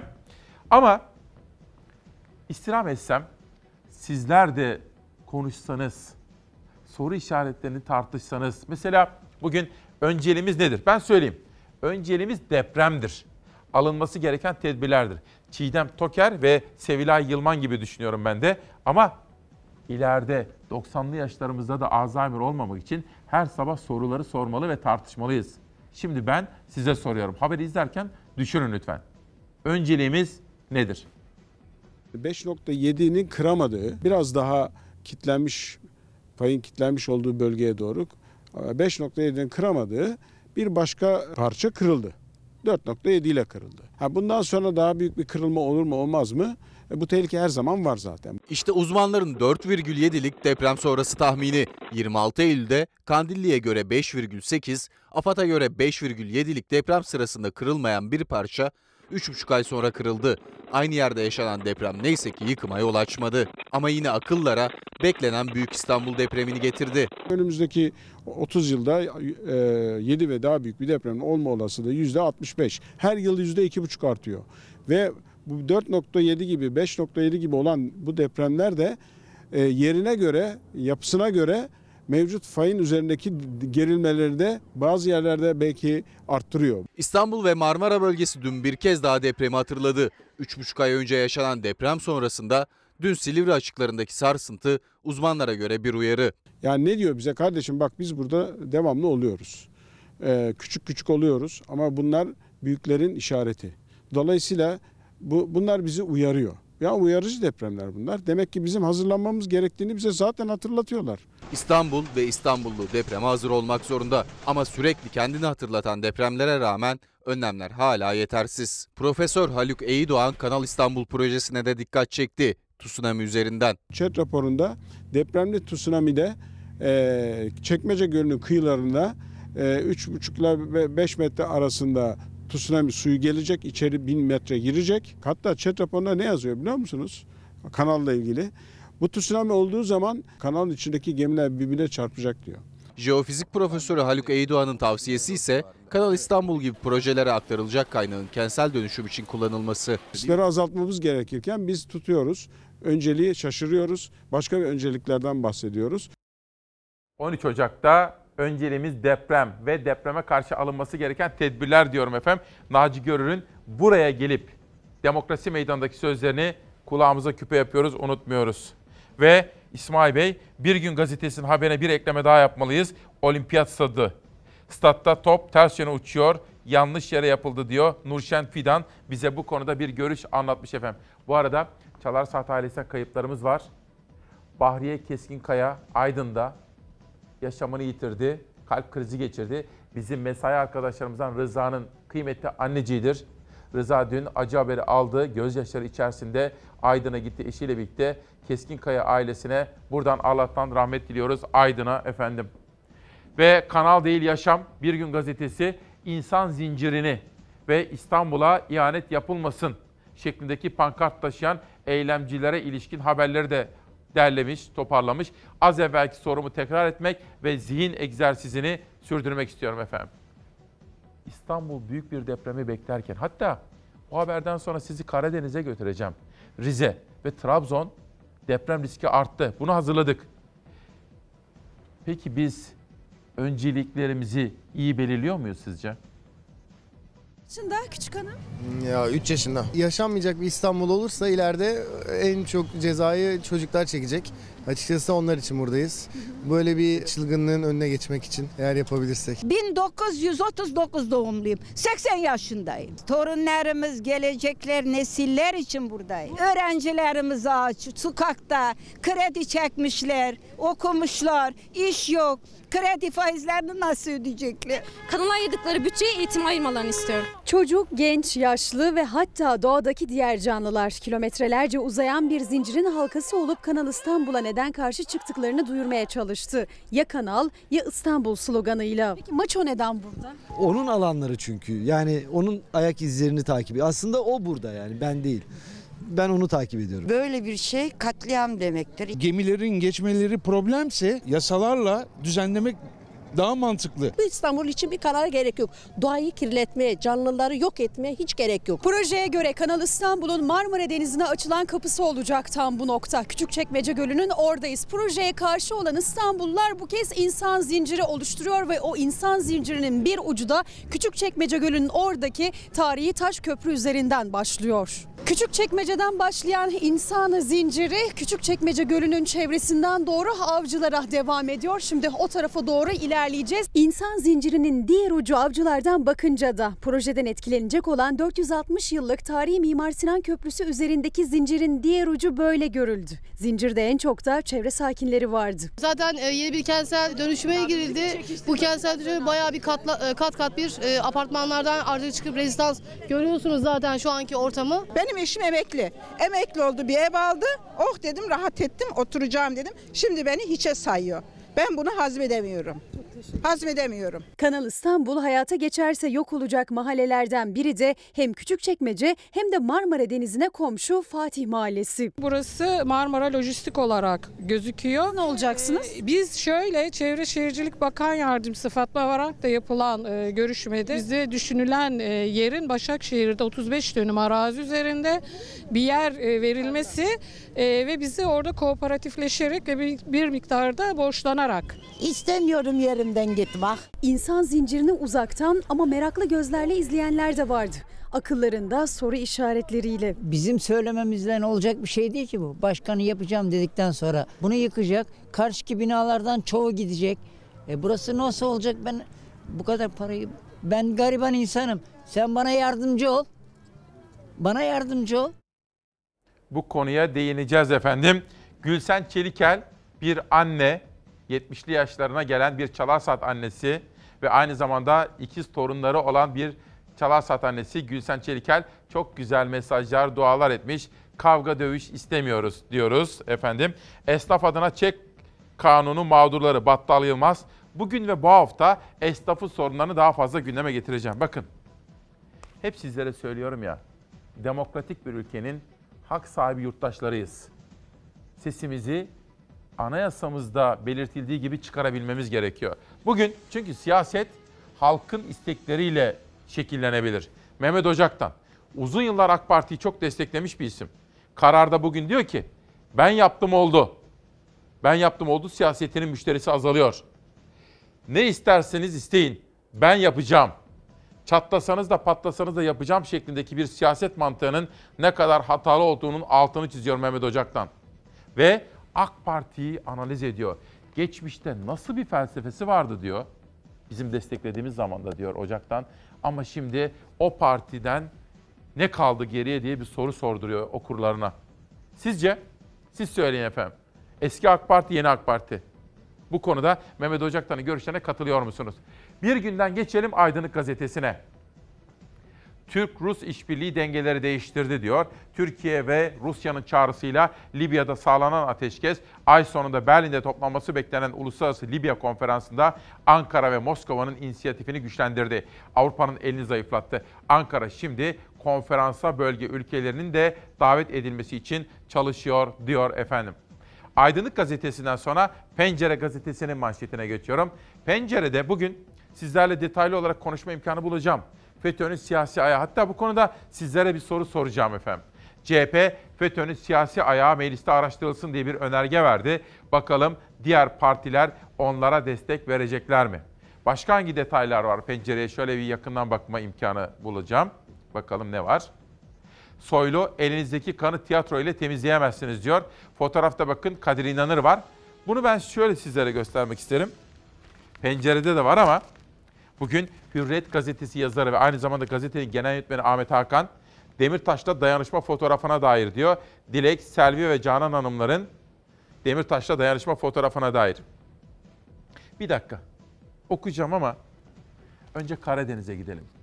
Deprem, deprem riski ve tehlikesi yalnızca İstanbul'un değil, İzmir'in de, Türkiye'nin büyük bir bölümünün hatta en son yapılan araştırmalara göre Karadeniz'de, Trabzon ve Rize'nin de riski, deprem riski çok artmış. Karadeniz'de biliyorsunuz e, olan büyük e, 5.6 büyüklüğündeki deprem e, hem Trabzon'un hem Rize'nin deprem tehlikesini 2 ve 3 kat e, oranında arttırdı. Doğu Karadeniz'de deprem riski 3 kata kadar arttı. Uzmanı Trabzon ve Rize'deki dolgu alanlarına dikkat çekti. Deprem haritası artan riske göre güncellenmeli dedi. Deprem yönetmeliğine uygun olmayan binalara ve heyelan riskine işaret etti. Burada olabilecek orta büyüklükteki bir deprem, bakın büyük deprem demiyorum. Orta büyüklükteki bir deprem dolaylı olarak bölgedeki heyelanlı sahaları aktif duruma getirecek ve yoğunluğu yüksek olan sahil kesimlerinde heyelanlara ve can ve mal kaybına sebep olabilecektir. Yapı stoklarımızın çoğu e, yeni deprem nizamnamesine uygun değildir. Rize'deki yapıların çoğu deprem yönetmeliğine uygun değil dedi Bektaş. 2017 yılında Gürcistan'da başkent Tiflis'e 100 kilometre mesafede gerçekleşen depremin Doğu Karadeniz'in deprem risk oranlarını değiştirdiğini söyledi. Jeoloji mühendisi Profesör Doktor Osman Bektaş, Doğu Karadeniz'de deniz dolgusu üzerindeki binaların yıkılma riski taşıdığını belirtti. 6 büyüklüğündeki bir deprem bu bölgede felakete sebebiyet olabilir. Bu bölgede yapı stoklarımız son derece zayıf. Nüfus artışı dolayısıyla deniz üzerinde dolgu alanlarının yıllar içinde arttığı Doğu Karadeniz'de artan risk göz önünde bulundurulduğunda dolgu alanlarının dünya standartlarına uygun özellikle olması şart. Birincisi dolgu alanlarının dünya standartlarına göre yapılması. İkincisi de yeni deprem tehlikesinin e, Rize'nin 3 kat arttığına göre yeni deprem tehlike haritasının uygulanması söz konusudur. Şimdi danışmanım beni uyarıyor Nihal Kemaloğlu. Ama arkadaşlarım da bakıyorlar. Henüz kesinleşmedi bilmiyorum. Resmi yerlerde yok. Bazı sitelerde haber var. Cumhurbaşkanı Erdoğan'ın bazı ziyaretleri. Ama resmi programına baktım yok. Fakat teyit etmemiz gerekiyor. Yanıltılmayalım. Dolayısıyla editörüm Zeray şimdi bakıyor gelişmelere. Cumhurbaşkanı Erdoğan'ın bazı anons edilmemiş ziyaretleri üzerine ama şimdilik detay veremem. Teyit edilmemiş bir bilgiyi sizlerle paylaşmak istemem. Ancak daha sonra sizlere söyleme imkanı bulabilirim efendim. Peki bu fotoğrafı yorumlayacağım ama önce Meral Akşener bir soru soracağım sizlere. Ama Meral Hanım'ın sözlerini bir okuyalım. Burası Pencere Gazetesi. Pencere Gazetesi'nin manşetinden bir haber. Yeni dönem seçimli monarşidir. Geleceğin Türkiye'si için iyileştirilmiş ve güçlendirilmiş parlamenter sistem paneline katılan İyi Parti lideri Meral Akşener, halkın %64'ünün parlamenter sisteme geçilmesini istediğini söyledi. Türkiye'nin son 10 yılını özetleyen Akşener, halka yalan söylendi dedi. Eğer 2010 referandumu olmasaydı 15 Temmuz'daki kalkışma olamazdı. 2017'de ise bu millete yalan söylendi. Aşacağız, uçacağız denildi. Millete yalan söylendi ve referandum geçti. Bu iyileştirme ve güçlendirme meselesini neden dilimizden düşürmüyoruz? Anketçiler bu sistemden memnun musunuz değil misiniz diye sormuyorlardı diye sormuş efendim. Ne diyorsunuz? Bu başkanlık dedikleri sistem tuhaf bir sistem. Aslında gerçek başkanlığa uymuyor. Kontrol mekanizmaları az. Meclisin görevleri azalmış, etkinliği budanmış gözüküyor. Bu sistem bir tek adam rejimi inşa edebilir bugün veya gelecekte. Çünkü kim kimi kontrol edecek? Bu geniş yetkilere sahip kişiyi kim kontrol edebilir? Sizler de bu konularda acaba neler düşünüyorsunuz? Ben bunları çok merak etmekteyim efendim. Naci Görür. Naci Görür 3 hafta oldu mu? Belki de 4 hafta. Buraya davet etmiştim kendisini. Naci Görür hocamız, profesör. İsmail Küçükkaya Demokrasi Meydanı'nda Kanal İstanbul projesine tamamen bilimsel gerekçelerle, siyasete hiç bulaşmadan tamamen bilimsel argümanlarla bakın nasıl karşı çıkmış ve Türkiye'yi depreme karşı alınması gereken önlemler konusunda nasıl uyarmıştı Naci Görür hocamız. Yani bu projenin olumsuz yönleri bize kazandıracağından çok daha fazla. E, Bir de şöyle bir şey var yani hemen işin başında.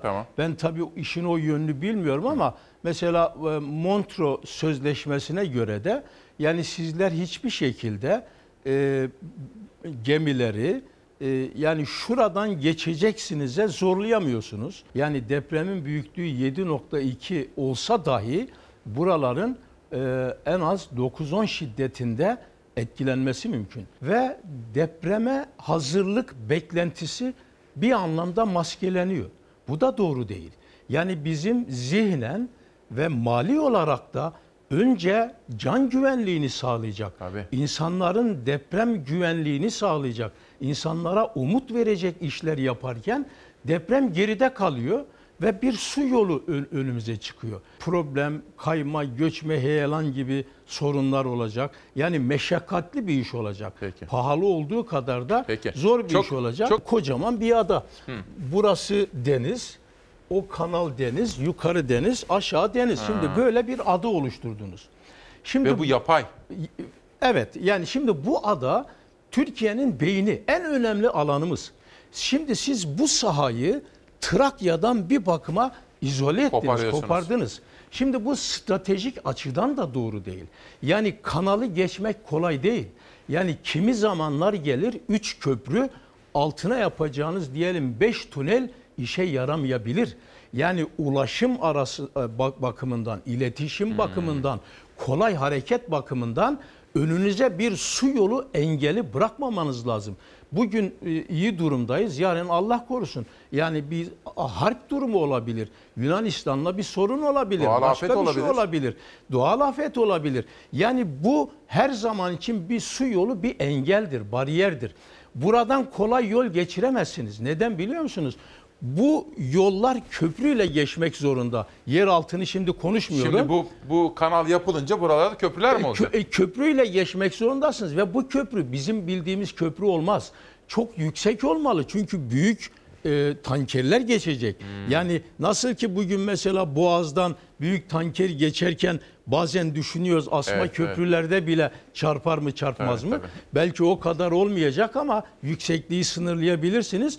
Ama büyük viyadüklerin üzerinde bu yolları geçeceksiniz. Bu ekstra para demektir. E, aynı zamanda da bu sahada böyle büyük viyadükler özellikle kıyı kesimlerinde Evet. zeminin çürük olması ve deprem Buralarda. hattına yakın olması nedeniyle de risklidir. İşte bakın tamamen bilimsel bir görüş.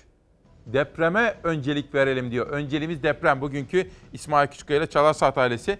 Az evvel sizlere bir soru sormuştum. Bu sistem, başkanlık dedikleri ama başkanlığa benzemeyen bu sistem. Bakın 3 dakika önce bir manşet T24. AKP'li milletvekilinden bakanlara ayrı bir yönetici sınıf varmış gibi davranıyorlar. Rahatlıkları seçimle iş başına gelmediklerinden. Çünkü yeni sistemde bakanlar seçimle iş başına gelmiyorlar efendim. Onun da altını çizmiş olalım. Ve Burcu Çayırlı, Oğuz Hamiş. Ben Antep'e gitmiştim hafta sonunda. Burcu Çayırlı ve Oğuz Hamiş aileleriyle de bir araya geldim. Bu hafta sonu evlenecekler efendim. Ama neden gitmiştim? Hem onları ziyarete hem de bakın Gaziantep Gazeteciler Cemiyeti'nden Çalarsat ailesine bir ödül geldi. Kendilerine kanalım, Fox Haber ve Çalarsat ailesi olarak içtenlikle teşekkür ediyorum efendim. Sağ olun, var olun. Yerel medyayı önemsemeyi ve desteklemeyi sürdüreceğiz. Pencereden sonra Fırat gazetesine geçelim. Elazığ gazetesi bir enflasyon manşetiyle çıkmış bu sabah. Her şeye zam yağarken enflasyon nasıl oluyor da düşüyor diyor. Enflasyon sepetinden ürünler gözden geçirmeli. Halkın enflasyonu ile resmi enflasyon çok farklı diyor. Yönetmenim az evvel FETÖ ile mücadele konusunda bir haber vardı. Onu getirirken ben sizlere sorayım. Bunu ya dört kere sordum ya da beş. Ama bunu bin kere de sorsam yeridir. Sizin yaşadığınız enflasyon gerçekliği nedir? Hani alışverişe gittiğiniz zaman, eliniz cebinize, cüzdanınıza gittiği zaman, sizin yaşadığınız enflasyon açıklanan resmi rakamlara uyuyor mu efendim? Bu sorunu da hep beraber konuşalım ve tartışalım. Şimdi gelelim FETÖ ile mücadele. FETÖ'nün siyasi ayağının ortaya çıkılması için mecliste araştırma komisyonu kurulmasını talep eden CHP'ler yapılan araştırmaların engellendiğini belirttiler efendim. Hadi bir soru daha soralım. Haberi izlerken konuşmuş olalım. Soru sormak iyidir. Yanıt aramak iyidir. Zihin egzersizi diyorlar buna. Yani kafamızı çalıştıracağız ki ileride zihinsel rahatsızlıklarımız olmasın. Hafızamız hep taze olsun. Soru şu. FETÖ her yerde var. Askeriyede, tıbbiyede, emniyette, iş dünyasında, üniversite her yerde var. Her yerden temizleniyor. İyi de kardeşim bu işin siyasi ayağı yok mu? FETÖ'nün siyasi ayağı temizlenmelidir. Açıklamamızı çarpıtıp teklif verin, destek olalım derler. Samimi ise bu konuda Sayın Bahçeli, FETÖ'nün siyasi ayağını ortaya çıkarmak için kendileri bir meclis araştırma önergesi versinler, biz de destek verelim. Atatürk'ten uzaklaşmış, HADEP'le kucaklaşmış bir CHP'nin hiçbir teklifinle işbirliği yapma niyetimiz de yoktur, kabulümüz de yoktur. Siz verin önergeyi diyoruz, vermezler. Biz verince destek verin diyoruz, vermezler. Hapır küpür konuşurlar, meclise gelince susup otururlar. Kılıçdaroğlu'nun FETÖ'nün siyasi ayağı araştırılsın teklifine Bahçeli kapıyı sert kapattı. CHP içine sızmış FETÖ imasıyla. FETÖ'nün CHP'de kurduğu düzeni, inşa ettiği düzeneyi saklayıp üç maymunu oynarlar. FETÖ'nün inşa ettiği bir düzenek arıyorsa Devlet Bahçeli, FETÖ'cüler diyorlar ki düzeneyi kurduk, istediğimiz bütün soru önergelerini Milliyetçi Hareket Partisi'nin grup başkan vekillerine verdirtiyoruz. Orada kanıtlı, belgeli ifadeler var. Kulakları vardır duymaz, kalpleri vardır kavramaz. Bu CHP'nin sicili kabarık, seciyesi karanlıktır. FETÖ'nün siyasi ayağının çıkarılmasını isteme noktasında Sayın Bahçeli'yi samimi bulmuyoruz. FETÖ'nün siyasi ayağı tartışması Bahçeli'nin FETÖ'cüler siyasetten temizlenmeli çıkışıyla raftan indi. FETÖ'nün siyasi ayağı neden ortaya çıkarılmıyor, mücadele edilmiyor diye eleştirmişti Bahçeli. Sayın Bahçeli burada doğru söylüyor. MHP liderinin açıklamalarına Kılıçdaroğlu destek çıktı ama tam da CHP'nin meclise FETÖ'nün siyasi ayağı araştırılsın önergesini verdiği gün Bahçeli aynı desteği vermedi. CHP'ye güvenmiyoruz diyerek ses yükseltti. Cumhuriyet Halk Partisi'ne güvenimiz yoktur. Hiçbir teklifinle işbirliği yapma niyetimiz de yoktur, kabulümüz de yoktur. Dümeni hep Recep Tayyip Erdoğan'ın peşine kırdılar. Ve onlar gerçek FETÖ'cülerin açığa çıkmasını istemedikleri için FETÖ'nün siyasi ayağının araştırılmasına sözle taraftardır, oyla retoyu kullanmaktadır. FETÖ'nün kiminle emel ve hedef birlikteliği yaptığını görmezler, göremezler, görmek istemezler. MHP lideri Bahçeli'nin CHP ile işbirliği yapmayız çıkışı. CHP'den gelen Bahçeli samimi değil yanıtı. CHP'nin FETÖ'nün siyasi ayağı araştırılsın hamlesi mecliste yeterli çoğunluk sağlanamayacağı için şimdiden havada kalmış görünüyor. Çok ama çok önemli bir konu. Önceliğimiz bütün terör örgütleriyle etkin mücadeledir efendim. İsmail Küçükkaya ile Çalar Saat ailesi. Bu arada Çalar Saat ailesi demişken İzmir'den istisnasız her sabah 7.15'ten 10'a kadar reklam aralarında da dahil olmak üzere televizyonu kapatmadan bizi izleyen Yıldızver teyzemiz Doktor Yıldızver Kemaloğlu bugün hastanedeymiş. Rahatsızlık geçirmiş. Küçük bir rahatsızlık zatürre ama şu anda hastane odasında bizi izliyor. Onun şahsında yani Yıldızver teyzemin şahsında bütün hastalarımıza geçmiş olsun dileklerinde bulunmak istiyorum. Az evvel gelen haberleri söylemiştim. Teyit etmeye çalıştık, teyit edildi. Albayrak grubunun gazetesi Yeni Şafak'ta var. Cumhurbaşkanı Erdoğan, bakın gelin efendim. Erdoğan'dan Emin Saraç Hoca ve Hasan Kılıç Hoca'ya ziyaret. Cumhurbaşkanı Erdoğan, Türkiye'nin önde gelen ilim adamlarından hadis alimi Emin Saraç Hoca ve İsmail Ağa cemaatinin manevi lideri Mahmut Efendi'nin vekili Hasan Kılıç Hoca'yı evlerinde ziyaret etti. Bir de fotoğraf var bakın. Tekrar edelim. Albayrak grubunun gazetesinde de haberi görünce teyit etmiş oluyoruz efendim. Ama Cumhurbaşkanı sitesinde yok, anons da edilmemiş. Ama Cumhurbaşkanı Erdoğan, İsmail Ağa cemaatinin manevi lideri Mahmut Efendi'nin vekili Hasan Kılıç Hoca'yı evinde ziyaret ettiği günün haberlerinden bir tanesi buydu. Bir de bakalım dış dünya. Bugün çok konuşulacaktır. Cumhurbaşkanı da belki bir açıklama yapacaktır efendim. Ama ben haberi sizlere anlatmakla mükellefim. Ve The Guardian gazetesi İran Bugün Can, Açak, Can Ataklı'nın korkusuzda yazdığı gibi maazallah bu İran'ın elinde bir cenazeyi doğru düzgün kaldıramadılar. Sonra gittiler yolcu uçağını indirdiler.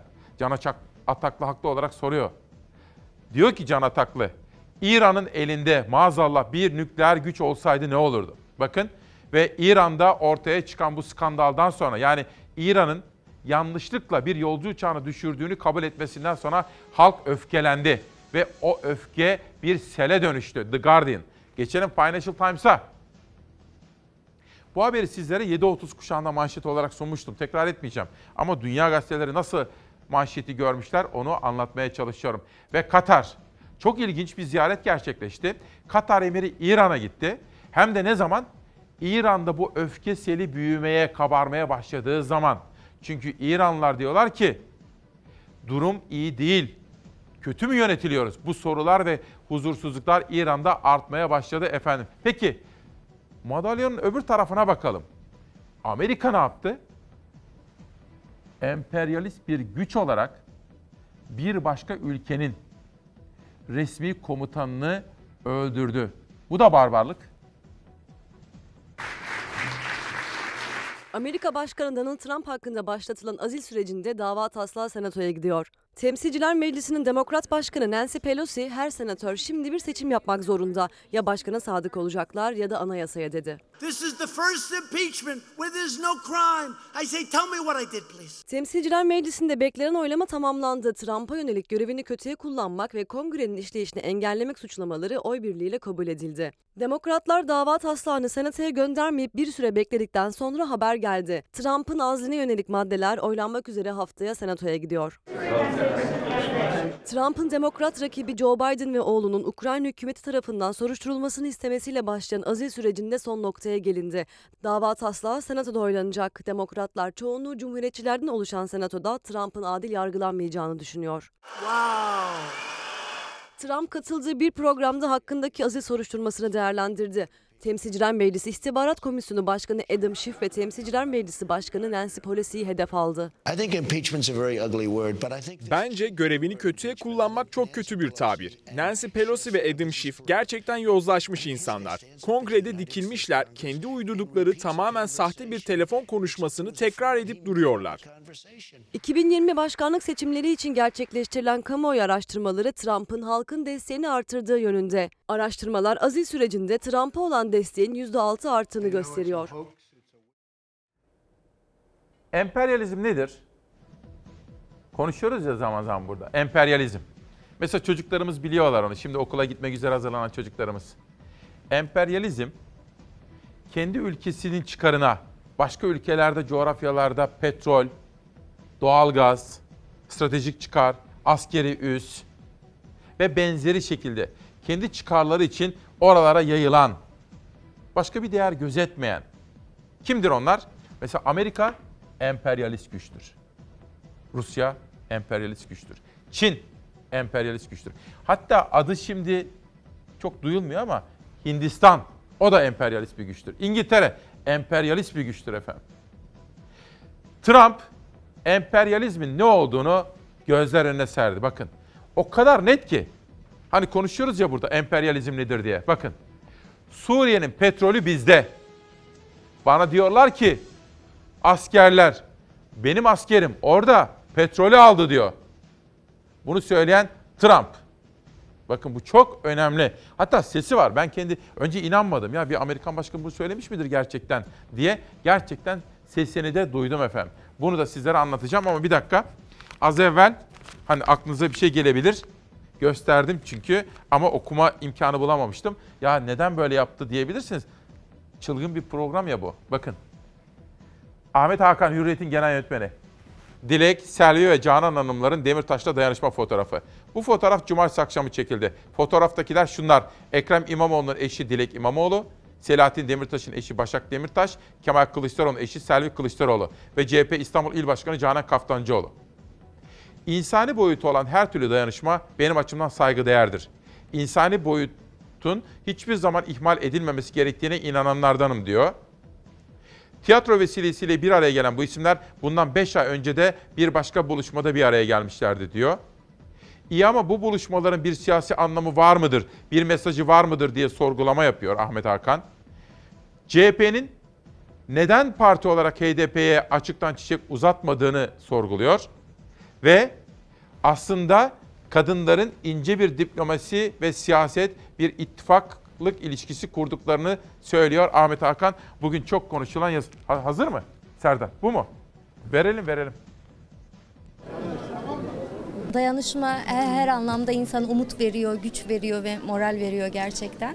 Bir de işte bu tür zamanlarda da aynı zamanda keyif veriyor. Kılıçdaroğlu, Demirtaş ve İmamoğlu üç eş bu kez tiyatro salonunda bir aradaydı. 3 yıl aşkın süredir cezaevinde tutuklu olan Selahattin Demirtaş'ın kitabı Devran'ı oyuncu Jülide Kural sahneye koydu. Bu kez ev sahibi Başak Demirtaş oldu. Güzel bir oyun sergilenecek. Biz de onu izlemeye geldik. İnşallah güzel olacak. O hala Devran'ın gözlerine bakıyordu. Devran da 12 lira.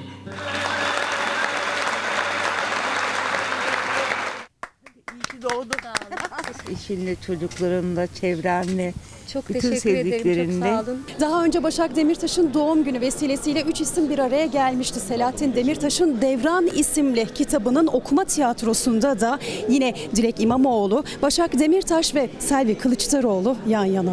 Dilek Kaya İmamoğlu'na büyük oğlu Selim İmamoğlu da eşlik etti. Kadir İnanır da en ön sıralardaydı. CHP İl Başkanı Canan Kaftancıoğlu'yla HDP eş genel başkanı Pervin Buldan ve iki ay önce hak ihlali kararıyla cezaevinden tahliye olan eski milletvekili Sırrı Süreyya Önder de izleyiciler arasındaydı. Jülide Kural elinde Selahattin Demirtaş'ın kitabı Devran'dan bölümler okudu. Müzisyenler de satırlara eşlik etti. Böyle bir günde, böyle bir ortamda yeniden bir araya geldiğimiz için çok mutluyum. Ağustos ayında daha önce bir araya gelen üç eş o gün bir araya geleceklerinin sinyalini zaten vermişti. İmamoğlu, Demirtaş ve Kılıçdaroğlu diğer siyasi isimlerin eşlerine de üstü kapalı mesaj gönderdi. Bu çerçeveyi daha genişleyerek görebilir miyiz ilerleyen zamanlarda? Belirli periyotlarda bir araya geleceğiniz anlamını taşıyor mu? Mümkün olabilir. Neden olmasın? Daha da geniş fotoğraflarla. Tabii ki. İçişleri Bakanı Süleyman Soylu bu buluşmaya sert tepki gösterdi. Onun sesini de hazırlattım. İlerleyen bölümlerde sizlere onu da anlatma imkanı bulacağım. Ama bu arada hazır sözü açmışken bu Gamze İlgezdi meselesi, kuaför meselesi çok fena halde mide bulandıran bir haberdir. CHP Genel Merkezi'nde bununla ciddi olarak irdelenmesi gerekmekte, ilgilenmesi gerekmekte. Gerçekten de Ataşehir Belediye Başkanı karısı kuaföre gidince manikürcü onunla ilgilenmedi diye ya da diğer müşteri tepki gösterdi diye. Yani öncelikler kim? Gerçekten eşi ki o da milletvekili Gamze İlgezdi. Manikürde mutsuz oldu ve kuaförü terk etti diye o kuaförün üzerine gidiyor mu bir belediye başkanı? Ben bunu araştıracağım. Hafta sonunda Gaziantep'te olduğum için çok detaylı araştıramadım ama şimdilik bunun anonsunu yapalım. Gerçekten de bir belediye başkanı bir esnafın üzerine karısı kuaförden mutsuz ayrıldı diye gider mi? Bugün Sevilay Yılman CHP Genel Merkezi'nin bunu ciddiyetle ele aldığını söylüyor. Habertürk'teki yazısında ben de sizlere söz veriyorum. Böyle bir hadsizlik yapıldıysa bunun takipçisi olacağım. CHP Genel Merkezi de yapılıp yapılmadığını araştırıyor mu? Yapıldıysa ne gibi bir yaptırım uygulayacak bu İlgezdi ailesine bunu da merak ediyorum ve araştıracağım. Söz veriyorum sizlere. Sputnik sosyal medya manşetlerinde Profesör Doktor Cemal Saydam Kanal iki barajın üzerinden geçiyor. Burada yıllarca biriken organik atığı Marmara'ya getirir. Bu gelince oksijen gelmeyeceği için etraf çürük yumurta gibi kokar. Bunun erkek üreme hormonu üzerinde %20, %30 olumsuz etkileri olur diyor. İmamoğlu İstanbul'umuzun hayatımızın en gerçek gerçekçi konularından birisini tekrar yaşamış olduk. Hiçbir şekilde başka bir konuyu İstanbul'un gündemine öncelemeden bu konuyu çözmemiz gerektiğini hepimiz söylüyoruz. İmamoğlu burada çok doğru söylüyor. Önceliğimiz depreme karşı alınması gereken tedbirler. Emekli Tuamiral Türker Ertürk ki bu konuda kitapları var. Kanal İstanbul'un arkasında ABD var. Montreux'u tartışmaya açmak, gemilerini Karadeniz'e sokmak istiyorlar diyor. Çok konuşulan bir teoriyi gündeme taşıyor emekli Tuamiral Ertürk. Aslı Aydın Taşbaş az önce yine deprem oldu. Bu şehir depreme dayanıklı değil. Binalar dökülüyor. Bu gidişle insanlar da ölecek. Kaynaklarımızı Kanal İstanbul gibi bir fantaziye değil, İstanbul'u depreme karşı sağlam ve hazırlıklı hale getirmek için harcamalıyız diyor. Bir de FETÖ ile mücadele. Adalet Bakanı Gül'den FETÖ ile mücadele uyarısı. Herkesi bir torbaya doldurmak mücadeleyi sulandırır. Hıncal Uluç'un da hafta sonunda böyle bir yazısı vardı. FETÖ'cüler, o da FETÖ'cü, bu da FETÖ'cü. Herkese kara çalarak kendileri kurtulmaya çalışıyorlar diyor. Adalet Bakanı uyanık gözüküyor. Dilipak, adaletsizlik ve zulüm almış başını gidiyor. Bütün kesimlerde rüşvet, torpil her yerde. Dilipak bugünkü yazısında da İran konusunu irdelemiş ve analiz etmiş. Liyakat yerine tanıdığı olanın işe alındığı bir toplum adalet duygusunu kaybetmiş hasta bir toplumdur. Nedeni de ilacı da vatandaşın vicdanının kul hakkına duyarlılığıdır. Tedavisi anne babaların ve öğretmenlerin mış gibi değil yani rol yaparak değil gerçek olmalarında yatar diyor. Efendim bu arada bugünkü Cumhuriyet Gazetesi'nde sizlere az evvel söylemiştim. Hizmetlerini asla unutmadık, unutmayacağız. Büyük bir devlet adamıdır. Rauf Denktaş Bugün onun ölüm yıl dönümü. Cumhuriyet Gazetesi'nde de Gökhan Cebeci'nin tıp doktoru bir yazar Ra- Rauf Denktaş'la ilgili olağanüstü bir analizini okudum. İnternette de okuyabilirsiniz ilginizi çekiyorsa. Rauf Denktaş'ı ölüm yıl dönümünde saygıyla anıyoruz. Bir de madencinin, işçinin, alın teriyle çalışan emekçinin yanındayız. Bu iş yerlerinde toz oluşumunu önleyici suluk kesme sistemleri kullanılmalıdır. Toz emici sistemler, çalışanlar ise toz maskeleri kullanmak zorundadır. Kullanılacak toz maskelerin de zararlı tozları tutucu niteliği olmalıdır. Ama iddiaya göre bu tedbirlerin hiçbirini almadı patronlar ve alınmayan her bir önlem yüzlerce işçinin yaşamını bir nefes daha kısalttı. Silikozise yakalandılar ve çarpıcı bir başka iddia daha sendikalaşmak isteyen onlarca işçi işten çıkarıldı. Sendikalı olduğu için 14 üyemizi işten e, çıkarttılar. Baya baya tozlu bir ortamda çalışıyorduk. Yeri geliyor 8 saat çalışıyorsun, yeri geliyor 12 saat. Peki güvenlik tedbiri sağlığınız için? Hiçbir şey yok. Sadece bir toz maskesi. Onda 50 kuruşluk bir toz maskesiydi. Olması gereken şuydu. Sulu sistem maske olması lazımdı. Oksijenli. Aydın Çin'de madenlerde çalışan işçiler haklarına sahip çıkılması için Genel Maden İşçileri Sendikası'na üye olmak istedi. Çünkü ne madendeki zararlı tozları filtreleyecek maskeler veriliyor ne de hava filtreleriyle işletmenin içinde biriken tozlar tahliye ediliyor. İşçiler ciğerlerine yerleşen bu tozun içinde günde 12 saat çalışarak üretim yapıyor. Üretim için madende durdukları her bir dakikada ömürlerinden çalınıyor. Sağlık kontrolünde silikozise yakalandığı tespit edilen işçi kaderine terk ediliyor. Nefes alıp vermekte çok zorluk çekiyorsunuz. Göğsünüz ağrıyor. e, sanki birisi sizin üstünüze oturuyormuş gibi oluyor. Kardeşim dedi sen dedi zayıfsın, hastasın. Senin bizden işin bitti dedi.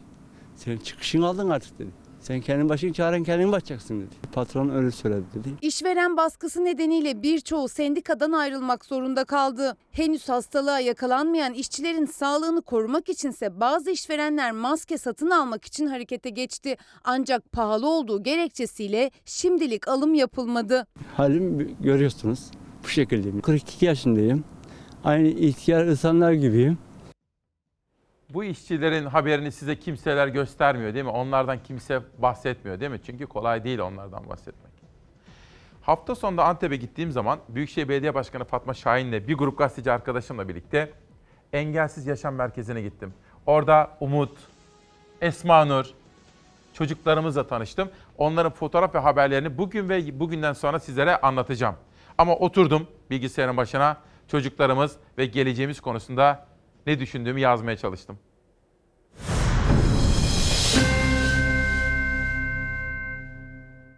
Sorum şu, geleceğin anahtarı kimdedir ve nerededir?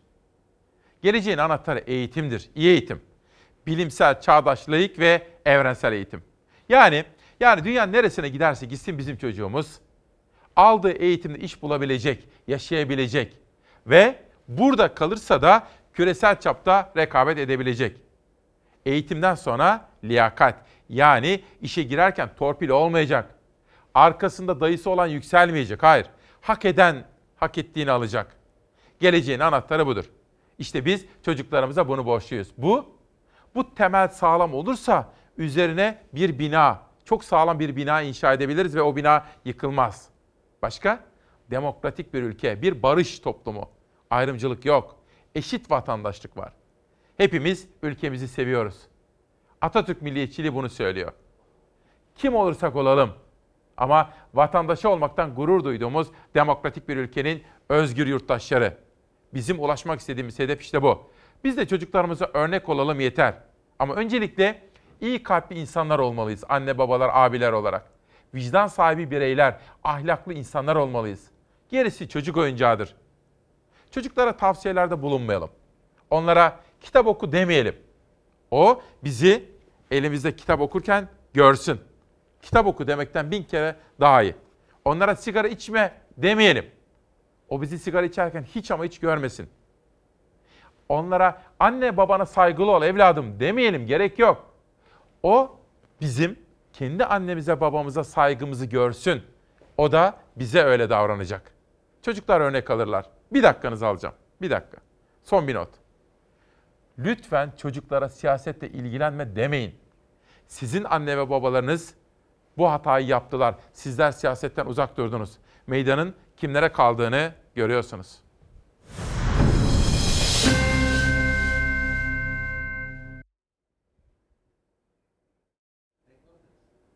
Reklama gidiyoruz şimdi.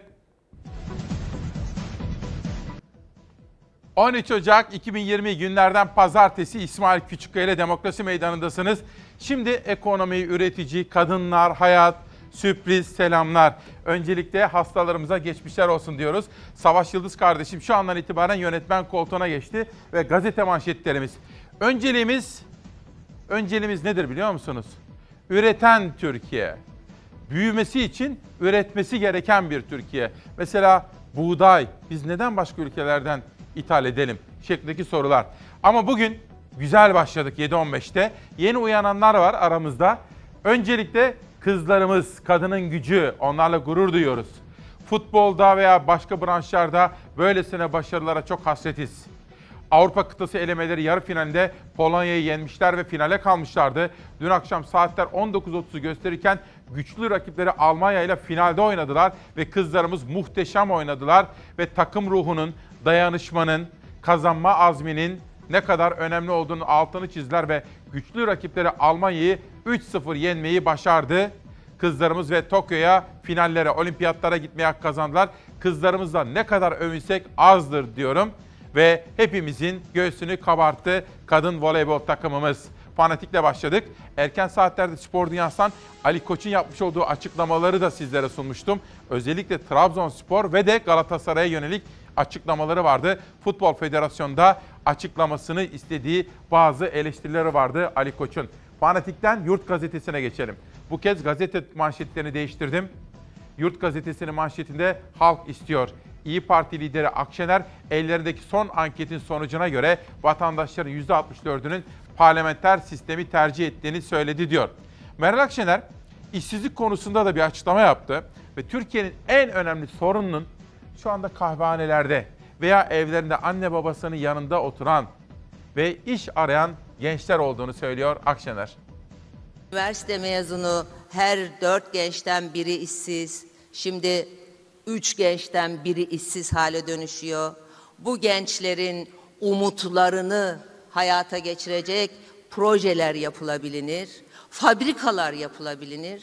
Dünya Endüstri 4.0'ı, karanlık fabrikaları tartışırken biz betonu, biz rantı, biz yandaşların cebine konacak parayı tartışıyoruz. Şimdi akıl, bilim, rasyonelite bunları, gerçekçilik bunları söylüyor. Peki bu kanal işi nereden çıktı? Sebebi sensin başkan. Kazanmasaydın olmayacaktı. Bu bir bu bir yönetim anlayışıdır. Yani ne demek istiyorum? Üzgünüm ama Sayın Erdoğan bu ülkenin babası sayıyor kendini. Bir böyle bir ruh hali olamaz. Seçilmiş, seçimli monarşinin hüküm sürdüğü, saray anlayışının hüküm sürdüğü ki saraylar ayrı bir bürokrasi, ayrı bir hayat tarzı, ayrı bir ekonomik düzen ve paralel bir evren yaratır. Hayattan koparsınız, seçmenden koparsınız ve sonuç itibariyle ben istiyorum kavramı ortaya çıkar. Sayın Erdoğan babamız, Türkiye'nin babası, bizler de herhalde onun sinirini bozan insanlarız. Bu İstanbulluyu cezalandırmadır. Bu bu ben istersem olur mantığının tezahürüdür. İşsizlik en önemli meselemiz ve önceliğimiz dedik bu sabah efendim. Bir de hani erken kalkanlar oldu. Kızlarımızla gurur duyduk. Voleyboldaki o büyük başarı. Deprem ve alınması gereken tedbirler önceliğimiz dedik. Kanal İstanbul önceliğimiz değil dedik. Bu konudaki yazılardan, haberlerden sizlere alıntılar yaptım. Bir de Bahçeli, Bahçeli'nin sözlerinde emperyalistlerin hedefinde Türkiye var. Hastalığının üzerinden geçen 4 ay sonra ilk kez kürsüye çıkan MHP lideri Bahçeli, 10 yıllardır ağlarını ören emperyalist husumetin hedefinde Türkiye ve büyük Türk milleti vardır dedi. Yaptığı açıklamaları sizlere detaylı olarak erken saatlerde anlatma imkanı bulmuştuk. Yurt gazetesini tamamladım. Sırada Pencere gazetesi var. Ve bu yıl ne ÖTV ne hurda teşviği var şeklinde bir haber görüyorum. Haydar Yenigün'ün sözleri pencerede. 2019 yılında pazarın tüm önlemlere ve teşviklere rağmen 16 yılın en kötüsü olarak tarihe geçtiğini aktaran OSD Başkanı Haydar Yenigün, 2020'ye ilişkin tek gördüğümüz 3 aylık faiz indirimi, hurdanın devam etmesini talep ettik, kabul edilmedi. ÖTV indiriminin kademeli olarak düşürülerek devam etmesi de kabul edilmedi dedi. Otomotiv sektörünün beklenti ve hayal kırıklıklarını Emre Özpeynirci'ye konuşan OSD Başkanı Haydar Yenigün anlatmış efendim. Bir de tarıma ilişkin bir manşet. Erken saatlerde size Akit gazetesinden Pakdemirli'nin özel röportajından tohumculuk konulu haberi sunmuştum. Sıra geldi şu sorunun yanıtına. Biz kendi kendine tarımda yeten 7 ülkeden biriydik. Hep söyleye geldim sizlere. İlkokulda okurken öğretmenlerimizden en fazla bunu duyar ve bununla gurur duyardık. Çocuklar derdi öğretmenimiz. Türkiye tarımda kendi kendine yeten 7 ülkeden biridir. Nereden nereye geldik?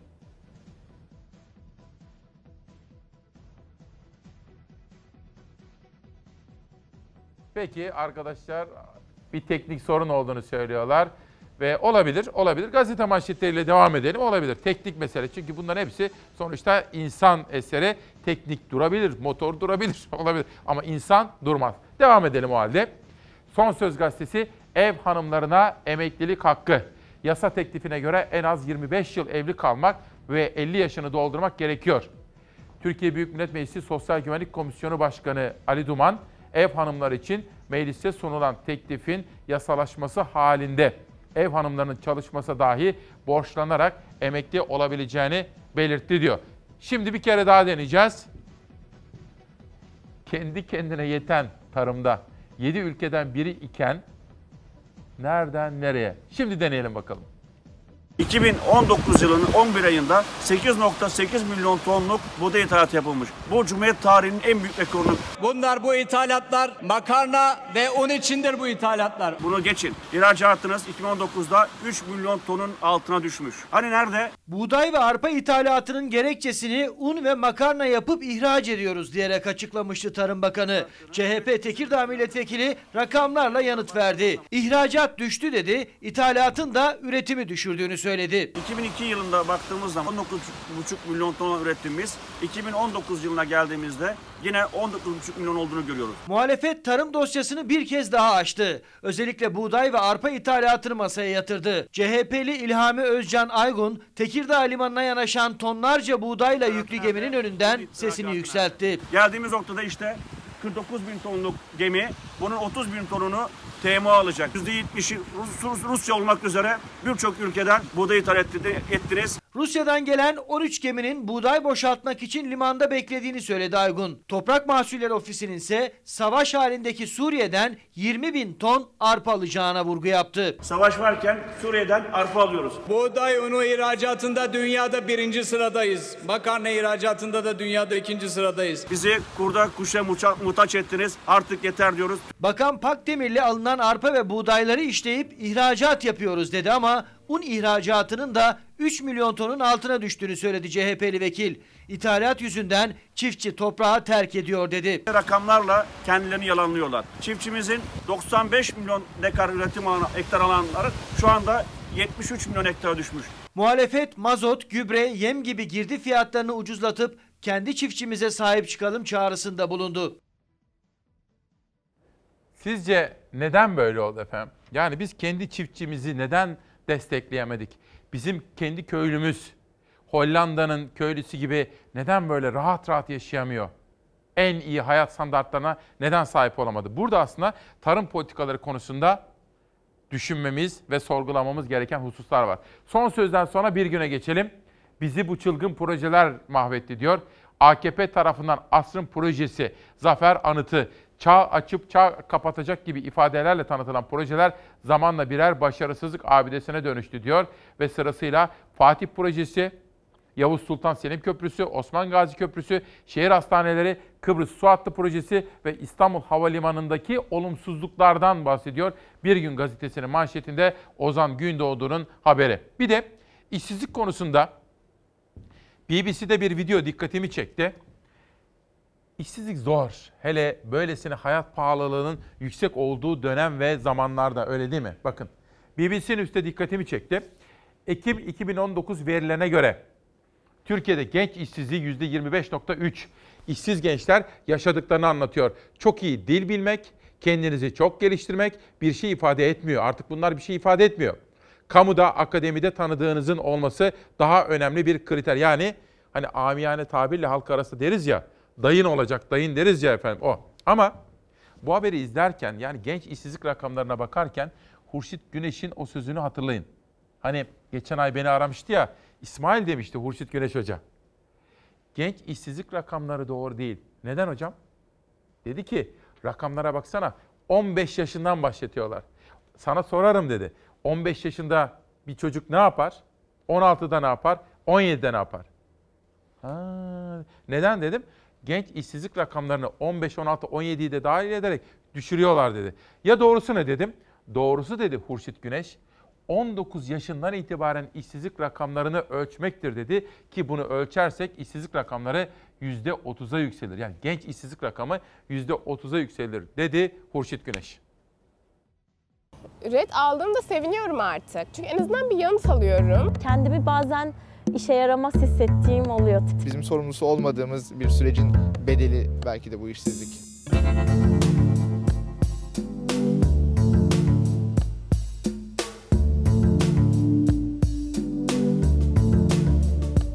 İşsizlik rakamlarındaki gelişmeler aslında oldukça endişe verici. 2018'in başından bu yana işsizlikteki artış durmuyor.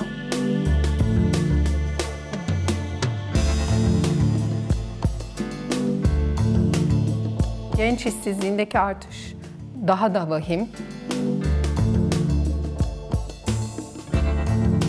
Yani bu bizim daha önce gördüğümüz boyutta zıplamalar değil. Yeni gelenler iş bulmakta daha zorlanıyor olabilirler. Yani işsizlik durumundan çıkış zorlaşmış olabilir. Yani bu söylediğim işsizlik sürelerinin uzaması anlamına da geliyor. Bu açıdan da Türkiye'de bizim en azından iş gücü piyasalarında çok alışık olmadığımız bir durum. Deneyimin yok mu? Ben diyorum ki yeni mezunum yani. Ve bu kelime tam anlaşılmıyor galiba işverenler tarafından. Çok iyi dil biliyor olmak, kendinizi çok geliştirmiş olmanız bir anlam ifade etmiyor. Kamuda tanıdığınızın olması, akademide e, sizi pozisyona alacak hocayla aranızın iyi olması e, hepsinden daha önemli kriterler. Özel sektörde özellikle büyük firmalarda çağrılabilmek için CV'mi içeriden birinin vermesi gerektiğini söylüyorlar. İşsizliğin hem maddi hem manevi bir bedeli var. Bayramlarda böyle çeşitli toplaşmalarda e, mutlaka şu oluyor. Er, okulu bitirdin mi? Bitirdim. Evet. Ne yapıyorsun şimdi? E,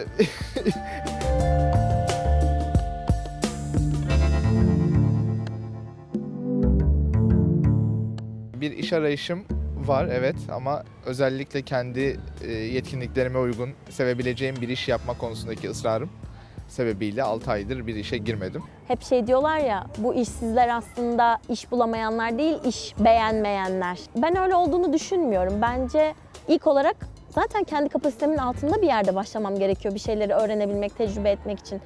Ama tamamen kendi standartlarımdan da e, feragat edersem bu sefer bu benim kendime ya- yapmış olduğum bir e, zarar olur uzun vadede. Böyle olduğunu düşünüyorum. Üniversite zamanında part time olarak simitçi dünyası, balıkçı, pastane gibi yerlerde garsonluk, kasiyerlik, ondan sonra hani tezgahtar falan yapmış bir insanım. Yaparım da yani hani o da sıkıntı değil ama ben hani yetkinliklerimi bu ülkeye hani bu e, sektörlere veya hani insanlara ıs- faydalı olması için zaten hani uğraşan bir insanım.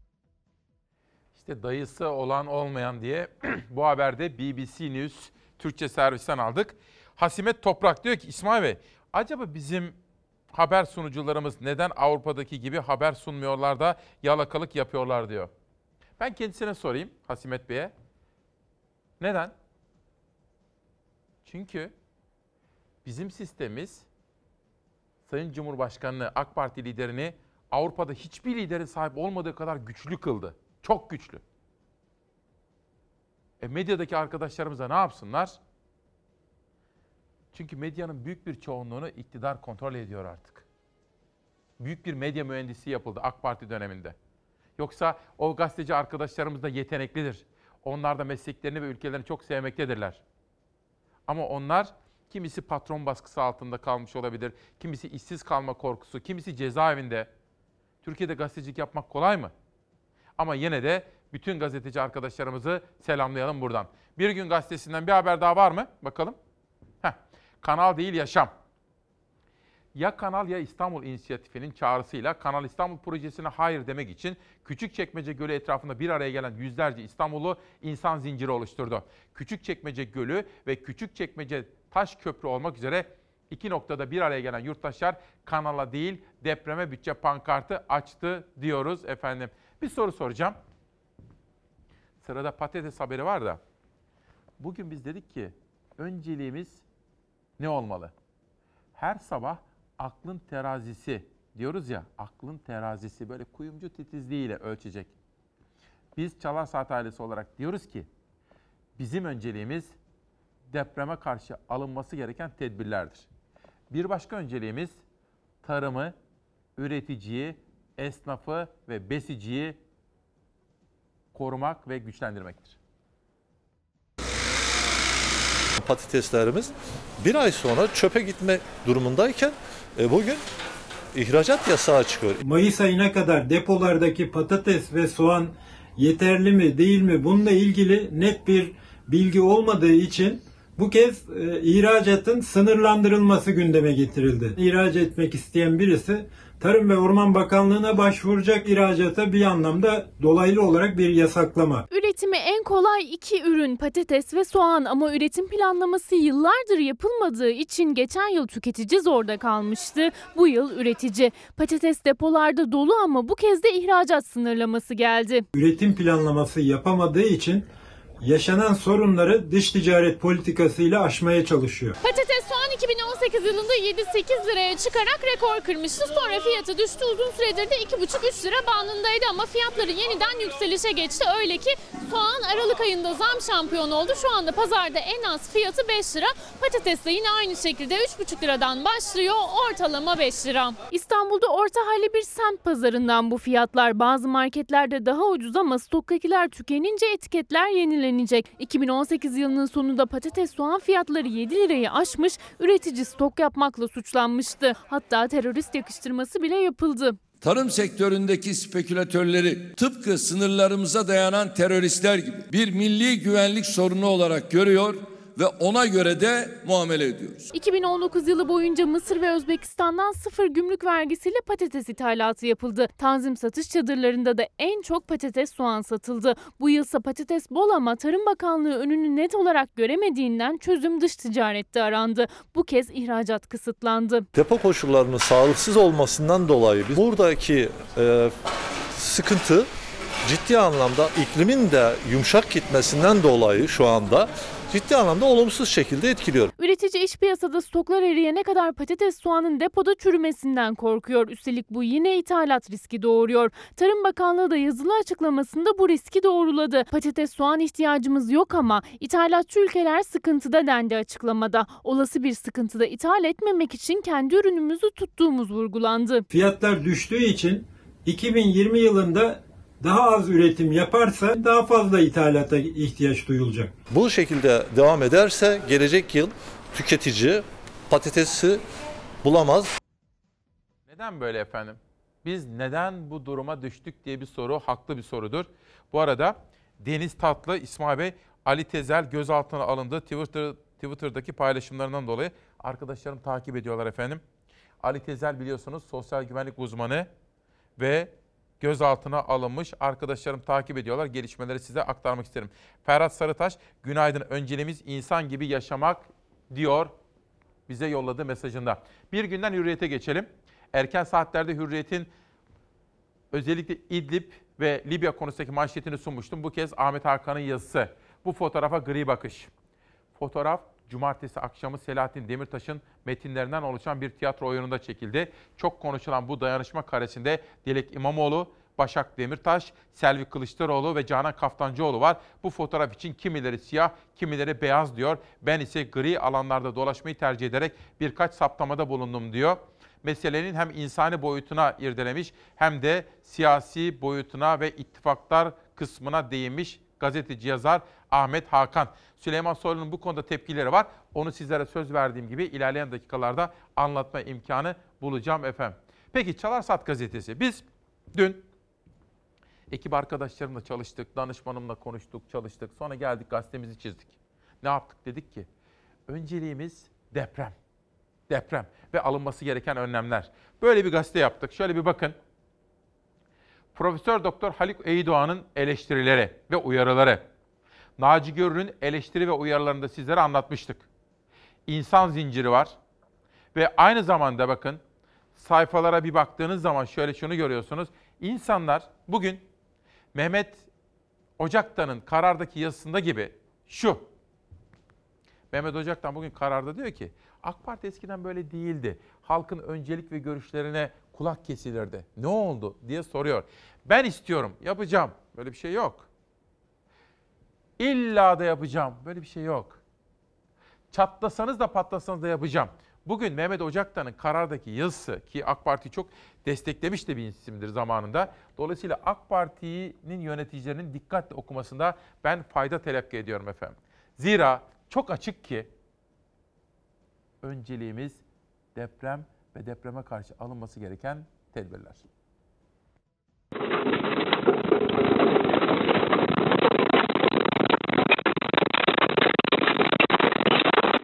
İstanbul bir kez daha depremle sarsıldı. Depremle yaşamayı öğrenme zorunda olduğumuz gerçeği yeniden akıllara geldi. Ve en büyük korku bu depremler daha büyük bir depremi tetikler mi sorusu bir kez daha soruldu. 4.8 büyüklükteki bu deprem daha önceki 5.8 büyüklükteki depremin e, depremle doğrudan ilişkili öyle anlaşılıyor. O, o civarda bir fay hareketi var. Beklenen Büyük İstanbul depreminin aslında e, e, konumlandığı, tahminen konumlandığı bir yer olacak. Cumartesi günü saat 16.37'de sallandı İstanbul. 4,8 büyüklüğündeki depremin merkez üssü Marmara Denizi'nde Silivri açıklarıydı.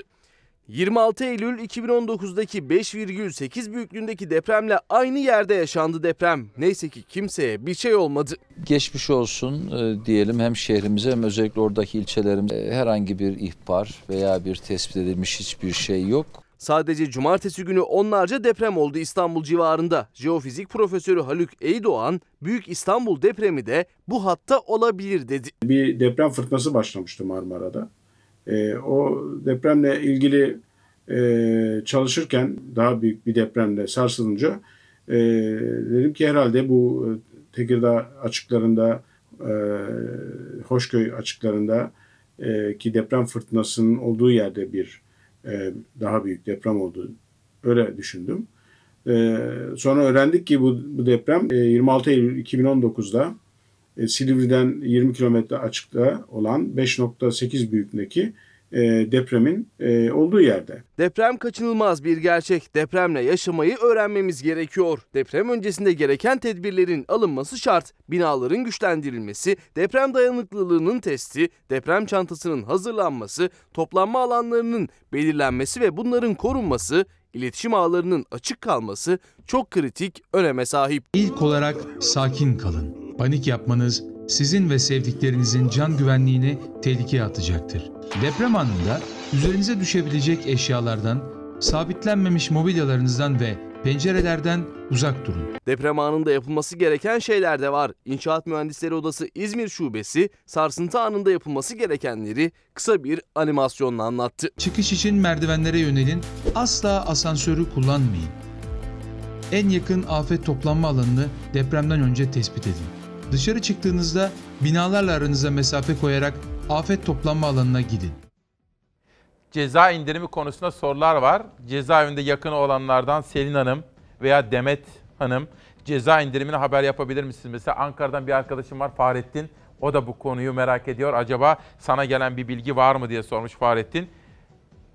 Bilmiyorum. Dikkatle takip ediyoruz. Siyaset kulislerinde Bahçeli ama bunu mutlaka gündeme getirecektir. Hatta perde arkasında çalışıyordur diye bilgiler geliyor efendim. Önceliğimiz yerel gazetelerdir. Bu arada şu ödülümüzü bir gösterelim efendim. Hafta sonunda Gaziantep'e gittik. Gaziantep'te Gazeteciler Cemiyeti başta İbrahim Ay olmak üzere kendilerine teşekkür ediyoruz. Çalarsat ailesini ödüllendirdiler ve bunu biz bütün kanalımız, haber merkezimiz ve Fox adına kabul ettik. Çalarsat ailesi adına kabul ettik. Gaziantep'e çok teşekkür ediyorum. Biraz sonra haberini de sizlere sunma imkanı bulacağım. Bu arada orada Engelsiz Yaşam Merkezi'nde Esma Nur kızımızla ve Umut'la karşılaştım. Onların fotoğraf ve haberlerini sizlere anlatacağım merak etmeyin. Diyarbakır gazetesiyle başlıyorum bugün. Diyarbakır'da suya %330 zam yapıldı iddiası tartışmalara neden oldu. Diski sadece %50 zam yapıldı diyor. Maşallah tabii sadece %50. Az olmuş. Diyarbakır Büyükşehir Belediyesi Diski Genel Müdürlüğü ihtiyaç sahibi vatandaşların içme suyunda %50 indirime gitti.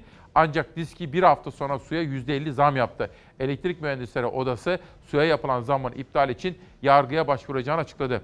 Sadece %50 demiş. %100 mü yapmak istiyordu acaba? Geçelim Haber Kayseri. Çiftçiye kredi isyanı. Kayseri Tarım Kredi Kooperatifi'nin %18 ile aldığı krediyi çiftçiye %23 ile verdiği iddia edildi. İşte size bir çiftçi manşeti. Bir de olay gelsin. Şanlıurfa'dayım. Mayınlı araziler, eğitim, sağlık, turizm. Burası Şanlıurfa. GAP'ta hedef neydi? Ne kadarı gerçekleştirildi? Sulamada %42 tamamlandı. Gerisi ne oldu? Mayınlı araziler halen temizlenmiş değil diyor Şanlıurfa gazetesi. Şanlıurfa'dan İzmir'e geçiyorum. İzmir'de 9 Eylül gazetesi insanlık yine karaya vurdu. İzmir'in Çeşme ilçesi açıklarında önceki gece düzensiz göçmenleri taşıyan fiber teknenin batması sonucu 8'i çocuk 11 kişi hayatını kaybetti diyor. Yerel medya manşetlerine devam edeceğim ama Beril Özcan İstanbul'da sokak sokak dolaştı. Sizleri buldu ve hayat pahalılığından şikayet eden sizlere ne başlamış biliyor musunuz? Hani isim vermeyeyim de şu markette et daha ucuz. Bu markette deterjan indirim günlerine geliyor. Arka mahalledeki süpermarkette makarna ürünleri günün indirimli ürünü olmuş. Vatandaş şimdi sokak sokak, mahalle mahalle dolaşarak hangi ürün nerede biraz daha ucuz onu araştırıyor. Market market geziyor musun? Geziyorum, her marketi geziyorum. Hepsini.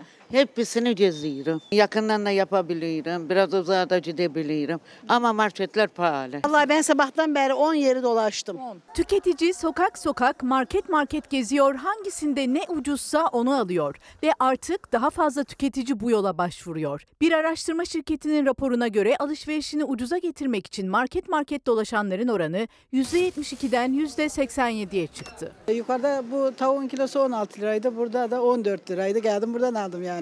Haliyle geziyoruz. Tavuğu 2 lira, bakliyatı 1 lira, sütü yoğurdu 50 kuruşa ucuza bulsa kar tüketici için. Market market gezenler arttı. Her 10 tüketiciden 9'u fiyat araştırması yaparak marketlere girmeye başladı. Uzun zamandır alışverişini böyle yapanlardan biri Ülker Hanım emekli. Sokak sokak geziyoruz. Nerede uygun varsa alıyoruz. Kadınlar pazarına gittim.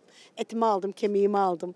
Oradan ekmeğimi ayrı aldım. Neresi uygunsa oradan alıyoruz. Portakalı ucuz buldum. 109'a bak 199 lira. Portakal hemen karşısındaki markette 2 lira 49 kuruş. 50 kuruş daha ucuz olan portakalı görünce onu tercih etti. Ama her marketten ayrı alışveriş yapmak kolay değil. Aldığım poşetlerim hepsi şurada yufkacıda. Bu yufkacıya mı bıraktınız eşyalarınızı o? Kaç ayrı market var burada? Fırından aldım şunu. Bunu buradaki fırından aldım. Bulvar Caddesi'ne gidip oradan Bunu, aldım. Evet etleri Fatih'ten aldım. Ülker Hanım bugün Zeytinburnu'nda yaklaşık 10'a yakın market gezdi. Eşyaları tek tek ayrı marketlerden aldığı için yine alışveriş yaptığı bir yufkacıya bıraktı. Şimdi de alışverişini tamamladı. Evine doğru gidiyor. Market market gezenlerin sayısı artmış. Evet evet doğru. Doğru kısım. Etrafınızda da var, böyle mi var, eşiniz var. dostunuz? Arkadaşlarım da var. Bugün yalnız çıktım. Ben başka zaman. Bugün diyoruz işte falan yerde et alalım gidelim beraber. Alıyoruz beraber çıkıyoruz yani. Market indirimlerini sosyal medya durumunda da paylaşıyor emekli Ülker Hanım. Tüketicilerin %87'si böyle alışveriş yapıyor. Bugün diyebilirim 4-5 market gezdim. Deterjanı birinden aldım. Yumuşatıcıyı başka bir yerinden aldım, bir yerden aldım. Öyle yani. Öyle de pahalı, böyle de pahalı. Maaşları artırsınlar. Vatandaş ne yapsın ya? 3 kuruş daha az harcayabilmek için, karnı doyurmak için bunları arıyor. Anıl diyor ki teşekkür ediyoruz. Denktaş'ı da unutmadınız diyor. Unutur muyuz? Bu arada kültür sanat haberleri Ferzan Özer, Ferzan Baba yazmış. Diyor ki Rumeli Türkleri Vakfı'nın bu akşam konseri var. Türk Sanat Musikisi konseri. Ferzan Özer'e teşekkür ediyorum. Melek Aras başkanlığında Rumeli Türkleri Vakfı Türk Sanat Müziği konseri var bu akşam. Bir de ÇEV, Berrin Yoleri, ÇEV'in Genç Yıldızlar konseri de bu akşam yapılacak. Ben de onu takip edip sizlere haberlerini aktaracağım. Arkadaşım diyordu ya, heh, bakın erken saatlerde verdim ama ola ki geç kalkmış olabilirsiniz. Rauf Denktaş. Onu ve hizmetlerini, onun devlet adamlığını asla unutmayacağız efendim. Cumhuriyet Gazetesi'nde bugün böyle bir haber gördüm. Çünkü bugün Denktaş'ın ölüm yıl dönümü. Kendisini ödenemeyecek teşekkür duygularıyla rahmet ve şükranla anıyorum. İsmail Küçükkaya ile Çalar Saat ailesi olarak efendim. Şimdi yerel gazetelerde İzmir'de kalmıştık. Oradan Antalya'ya geçelim. Alanya'ya. Alara çayı, Alara çayı kurtuldu. HES projelerinin istilasına uğrayan Alara çayında doğa katliamı yapılmasına Danıştay'da dur dedi. Kamer HES'e karşı açan, dava açan köylülerin avukatı Münip Ermiş Alara çayı kurtuldu diye konuştu. Ve ben buradan mahkemelere, Danıştay'a da teşekkür ediyorum. İşte biz halkımızın mahkemelerinden çevre ve doğa dostu böyle güzel kararlar duymak istiyoruz. Burası yapılacak HES projeleri buradaki doğaya, insana, yaşama, doğal yaşama, vahşi yaşama tümden zarar verir diyor. Alara çayı üzerine HES projesi kurmak isteyen şirkete veto mahkemeden geldi. Ancak o çayın üzerine benzer projeler uygulamak isteyen başka şirketler de yok değil. Alara çayı için ilk mahkeme zaferle sonuçlandı. Artık Danıştay'ın söyleyeceği söz son sözdü Alara çayı ile ilgili. Örneğin bu Danıştay kararının en önemli şu. Artık orada herhangi bir şekilde burada e, Kamer HES veya başka adı altında herhangi bir şekilde HES projesi yapılmaz. Artık o şirket Antalya'nın Alanya ilçesindeki Alara çayı üzerine hidroelektrik santral projesi inşa edemeyecek. Alara çayı üzerindeki doğa harikası şelaleden hemen önce kurulmak isteniyordu proje. Bölge halkı itiraz etmişti. Hukuki süreç başlatılmıştı. Köylüler 10 yıldır süren davayı kazandı. Kesinleşmiş karar aynı zamanda bundan sonra devam eden projeleri eğer devam ettirmeye niyetli olanlar varsa onları da etkiliyor. Köylülerin avukatı Münip Ermiş, Alara çayının doğal güzelliğini bozacak risklerin tam olarak ortadan kalkmadığının altını çizdi. Ancak verilebilecek çet onay kararlarının iptali Alara çayını tamamen koruyabilir diyor. Çevre ve Şehircilik Bakanlığı'na buradan çağrımız kesinlikle onay vermesinler. Eğer onay verdikleri takdir suç işlemiş olurlar. Çevremizi korumamız gerekiyor. Şu anda yanınızdaki çocuklar için. Onlar böyle ışıl ışıl, pırıl pırıl, tertemiz bir ülkede yaşasınlar diye bu cennet yurdumuzu, doğasını korumayı bilmemiz gerekiyor. Alanya gazetesinden geçtik Gaziantep Güneş'e. Efendim hafta sonunda Gaziantep'teydik ve orada meslek büyüğümüz Yavuz Donat vardı. Yavuz Donat da onur ödülü kazandı. Bunun dışında Çalarsat ailesi ve başka meslektaşlarım da işte Buket Ay, Didem aldı, ödül aldı. Didem Yılmaz, Mehmet Acet aldı ve biz de Çalarsat ailesi olarak ödül aldık. Arpat aldı, Ahmet Arpat aldı. Ödül alan bütün gazeteci arkadaşlarımı da ben içtenlikle kutluyorum. Gaziantep'ten sizlere bolca selamlar getirdik. Haberini biraz sonra sunacağım. Gaziantep'ten Elazığ Fırat gazetesine geçiyorum. Her şeye zam yağarken enflasyon nasıl oluyor da düşüyor. Enflasyon sepetindeki ürünler gözden geçirilmeli diyor. Bu da gerçekten son derece yerinde bir yaklaşım. Biz hangi siyasi partiye mensup olursa olsun hiç fark etmez. Yeni seçilen belediye başkanlarımıza ne istiyoruz bana söyleyin. Hani konuştuk ya. İl il dolaştık. AK Partilisi geldi, CHP'lisi, MHP'lisi, HDP'lisi, İyi Partilisi. Ne istedik onlardan? Dedik ki zor zamanlardan geçiyoruz. Milletin çöpünü güzel toplayın. Suyunu akıtın. Fakirin, fukaranın, garibin, gurabanın yanında olun. Bütün çocuklarımızı okutmak için yoksul mahallelerdeki çocuklarımızı bulun. Onları destekleyin.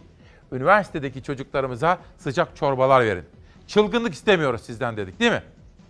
Ankara'nın belediye başkanı Mansur Yavaş bir yeniliğe başladı. Dedi ki ben vatandaşı, yoksulu destekleyeceğim. Hatta daha fazla destekleyeceğim ama onlara böyle kömür yardımı yapmayacağım. Onlara yiyecek yardımı da yapmayacağım. Çünkü bu yanlışlığa ve suistimale yol açıyor. Ben dedi yardımların miktarını artıracağım. Ama dedi böyle kömür vermek, yiyecek ver öyle değil. Ben dedi vatandaşa doğrudan alışveriş yapmak üzere para yükleyeceğim dedi.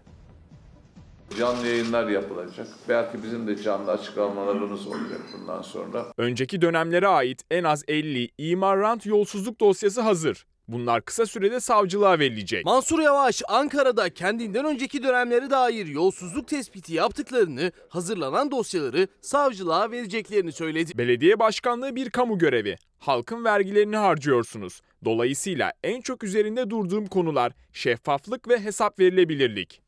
Ankara Büyükşehir Belediye Başkanı Mansur Yavaş 10 Ocak Çalışan Gazeteciler Günü dolayısıyla gazetecilerle bir araya geldi. Soruları yanıtladı. Yavaş Ankara'da 140 bin kişiye yapılan yardım amaçlı kömür ya da yiyecek dağıtımı uygulamasına son verileceğini, bunun yerine yardımların nakit olarak yapılacağını söyledi. Başlangıçta 70 bin kişiye bir ay, 70 bin kişiye diğer ay olmak üzere birer ay arayla yardım yapmayı planlıyoruz. Ancak belediyenin gelirlerine göre bu 140 bin kişiye her ay yardım da yapabiliriz. Yavaş belediyeye gelen şikayetlerin çoğunluğunun ego otobüsleriyle ilgili olduğunu, hazırladıkları uygulamayla şikayetlerin çözüme kavuşturulacağını anlattı. Şikayetlerin %90'ı ego otobüs şoförlerinin hal ve tavırlarından dolayı geliyor.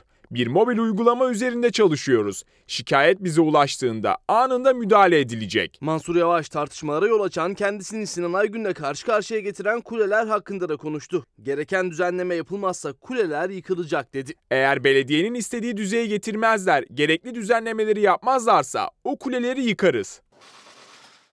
Ve şimdi işte Gaziantep'e gideceğiz hep beraber ama önce Aydanur Aktaş Hıyra bolluk ve bereket formülü demiş. Yeni çıkan kitabını imzalayarak bana yollamış. Profesör Doktor Türk Kaya Ataöv Diktatörlüğe Açılan Kapılar isimli kitabıyla bu sabah Çalar Saat'te ve Gaziantep'ten Çalar Saat ailesinden fotoğraflar. Birinci fotoğraf Gaziantep'teki Gazeteciler Cemiyeti'ne çok teşekkür ediyorum. Biz de Çalar Saat ailesi adına ödülü Milletvekili Yılmaz Kaya'nın elinden aldık. Kendisine çok teşekkür ediyorum. Oğlu da geldi. Çok başarılı, çok bilinçli bir genç. İki numara Abdülkadir Konukoğlu. Büyük bir sanayici, yatırımcı. Kendisiyle gece boyunca sohbet ettik. İş adamlarının ülke için neler yaptıklarını yapmaları gerektiğini kendisiyle konuştuk. Tecrübeli, deneyimli sanayici, ülkesini çok seven, Gaziantep'te de Türkiye'de büyük yatırımları olan Konukoğlu. Yavuz Donat abimiz orada görüyorsunuz. Osman kardeşim de Ankara'dan geldi ve biz hem ödül aldık hem de Gaziantep'in yerel gazeteci arkadaşlarımıza da ödül takdim etme şerefine nail olduk. Yerel gazetecileri destekliyoruz. Daha sonra Fatma Şahin'le birlikte Engelsiz Yaşam Merkezi'ne gittik. Ben Fatma Şahin'i tebrik ettim. Gerçekten de Türkiye'nin en büyük engelsiz yaşam merkezini kurmuş. Oradaki çocuklarımızla tanıştık, konuştuk. Onlarla birlikte sohbetler ettik. Orayı haber yapacağım size bir gün detaylı olarak ve söz verdim. Esma Nur, bakın bu terör örgütü IŞİD'in bir düğün saldırısında yaralanan kızımız Esma Nur yaralanmış ama işte orada engelsiz yaşam merkezinde ayaklarını güçlendirmeye çalışıyordu. O da okula başlayacak. Onlara da beraberindeki doktorlara ve onlarla ilgilenen oradaki görevlere teşekkür ediyorum efendim. Esma Nur'a günaydın diyorum buradan. Ve bir de Umut vardı. Umut'u da bir başka gün sizlere göstereceğim. Ona da söz verdim söz. Daha sonra Fatih bizim Gülşen'in yanında çalışıyor.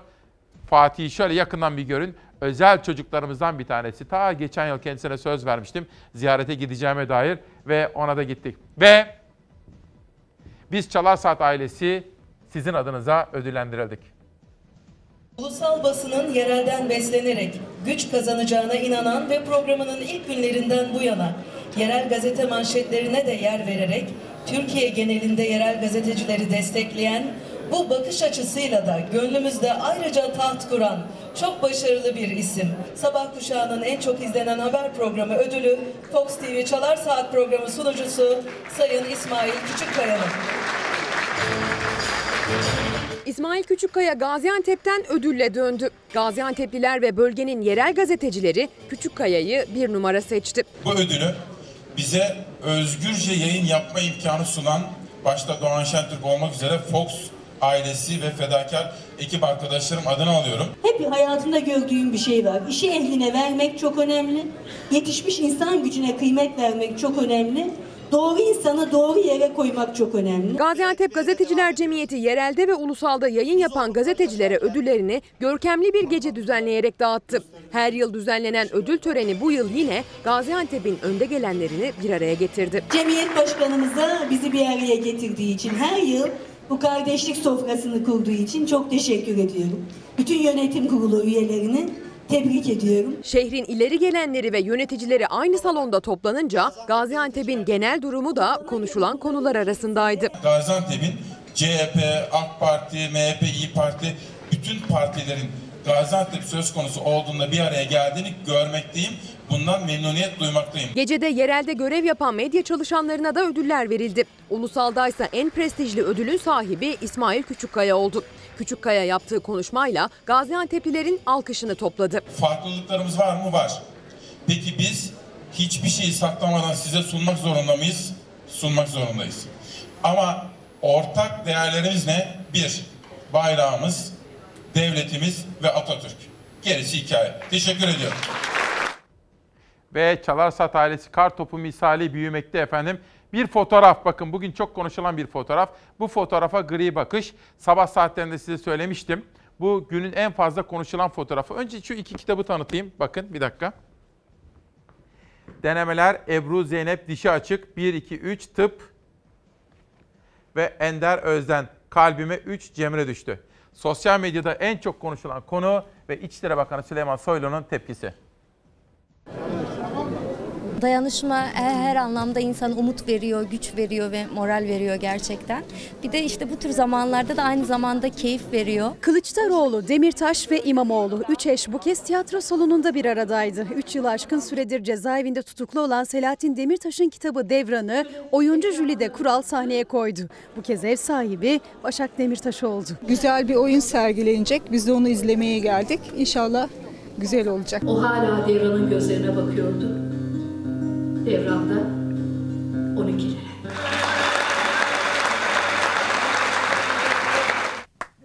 doğdu.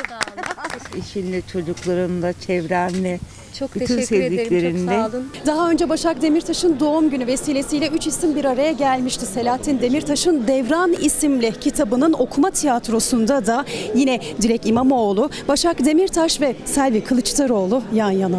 Dilek Kaya İmamoğlu'na büyük oğlu Selim İmamoğlu da eşlik etti. Kadir İnanır da en ön sıralardaydı. CHP İl Başkanı Canan Kaftancıoğlu'yla HDP eş genel başkanı Pervin Buldan ve iki ay önce hak ihlali kararıyla cezaevinden tahliye olan eski milletvekili Sırrı Süreyya Önder de izleyiciler arasındaydı. Jülide Kural elinde Selahattin Demirtaş'ın kitabı Devran'dan bölümler okudu. Müzisyenler de satırlara eşlik etti. Böyle bir günde, böyle bir ortamda yeniden bir araya geldiğimiz için çok mutluyum. Ağustos ayında daha önce bir araya gelen üç eş o gün bir araya geleceklerinin sinyalini zaten vermişti. İmamoğlu, Demirtaş ve Kılıçdaroğlu diğer siyasi isimlerin eşlerine de üstü kapalı mesaj gönderdi. Bu çerçeveyi daha genişleyerek görebilir miyiz ilerleyen zamanlarda? Belirli periyotlarda bir araya geleceğimiz anlamını taşıyor mu? Mümkün olabilir.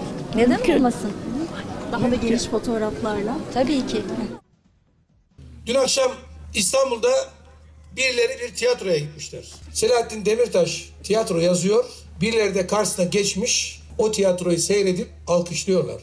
Selahattin Demirtaş'ın Devran isimli kitabının sahnelenmesine tepki İçişleri Bakanı Soylu'dan geldi. Kadir Efendi sözlerinin adresi ise izleyiciler arasındaki usta sanatçı Kadir İnanır'dı. Eksik yapmışsınız.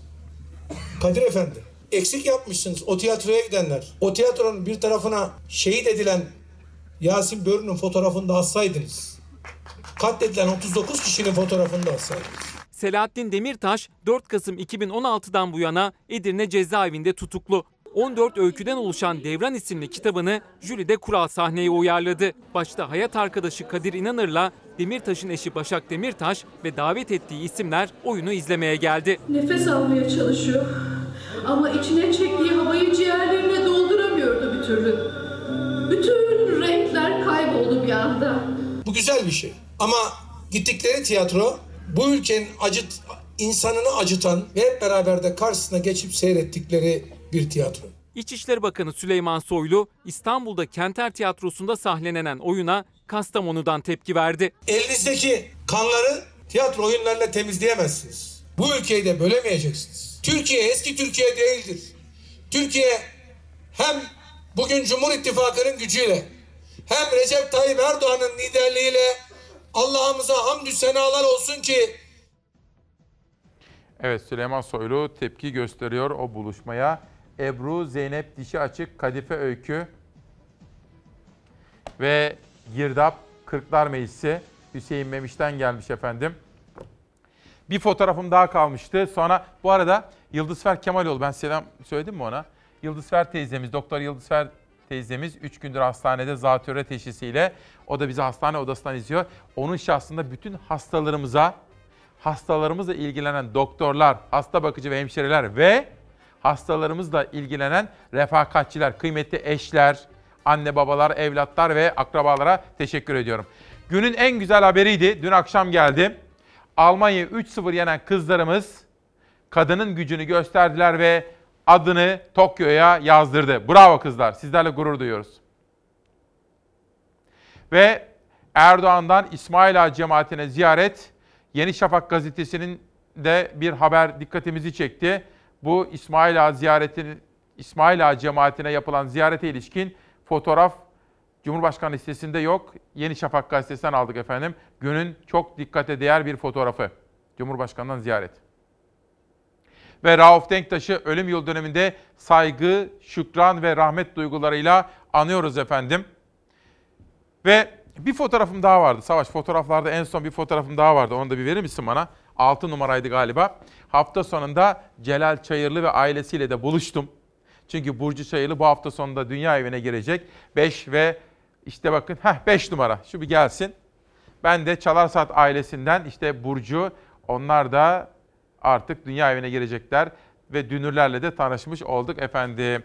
Ve bu hafta şimdi Tozan Alkan bir umut şiiri. Monşer, Mon Kerbela, ayağa kalk, ayağa kalk. Silkin ve maviye dokun. Çok uzağa gitmiş olamaz. Kaybettiğin hayat çok uzağa gitmiş olamaz. Bu sabah ve her sabah kalbin terazisi diye tanımlıyoruz ya. Kalbin terazisi ölçecek böyle kuyumcu titizliğiyle. İsmail Küçükkaya ile Çalar Saat ailesi, bütün ekip arkadaşlarım ve danışmanıma Fox Haber'e teşekkür ediyorum. Onlar adına sizlerle buluştuk. Bergama Müzesi etnografik eserleri Gülseren Özel, Nilgün Ustura, Berna Aydan, Ebru Kırmızıyüz. İklim değişikliğinin bugünü ve yarını çok önemli bir konu. Hazırlayan iklim elçisi ve bisiklet gönüllüsü Erkan Karavelioğlu Adana'dan gönderilen bir kitap. İklim bozulması önemli. Ve İlber Ortaylı hocamızın Bir Ömür Nasıl Yaşanır isimli kitabı. Bu hafta sizlere Şimdi isimli kitabından Tozan Alkan'dan şiirler okuyacağız. Hadi gel, hadi gel sıcak şeyler bulalım. Kendimize sıcak şeyler bulalım. Bir uzun kapı, uzun, sınırsız düşlere açılan uzun bir kapı. Kimselerin konuşmadığı, kimselerin konuşmadığı bir dil bulalım kendimize. Kurutulmuş domatesler, kurutulmuş güneşler. Hadi gel kendimize sıcak şeyler bulalım.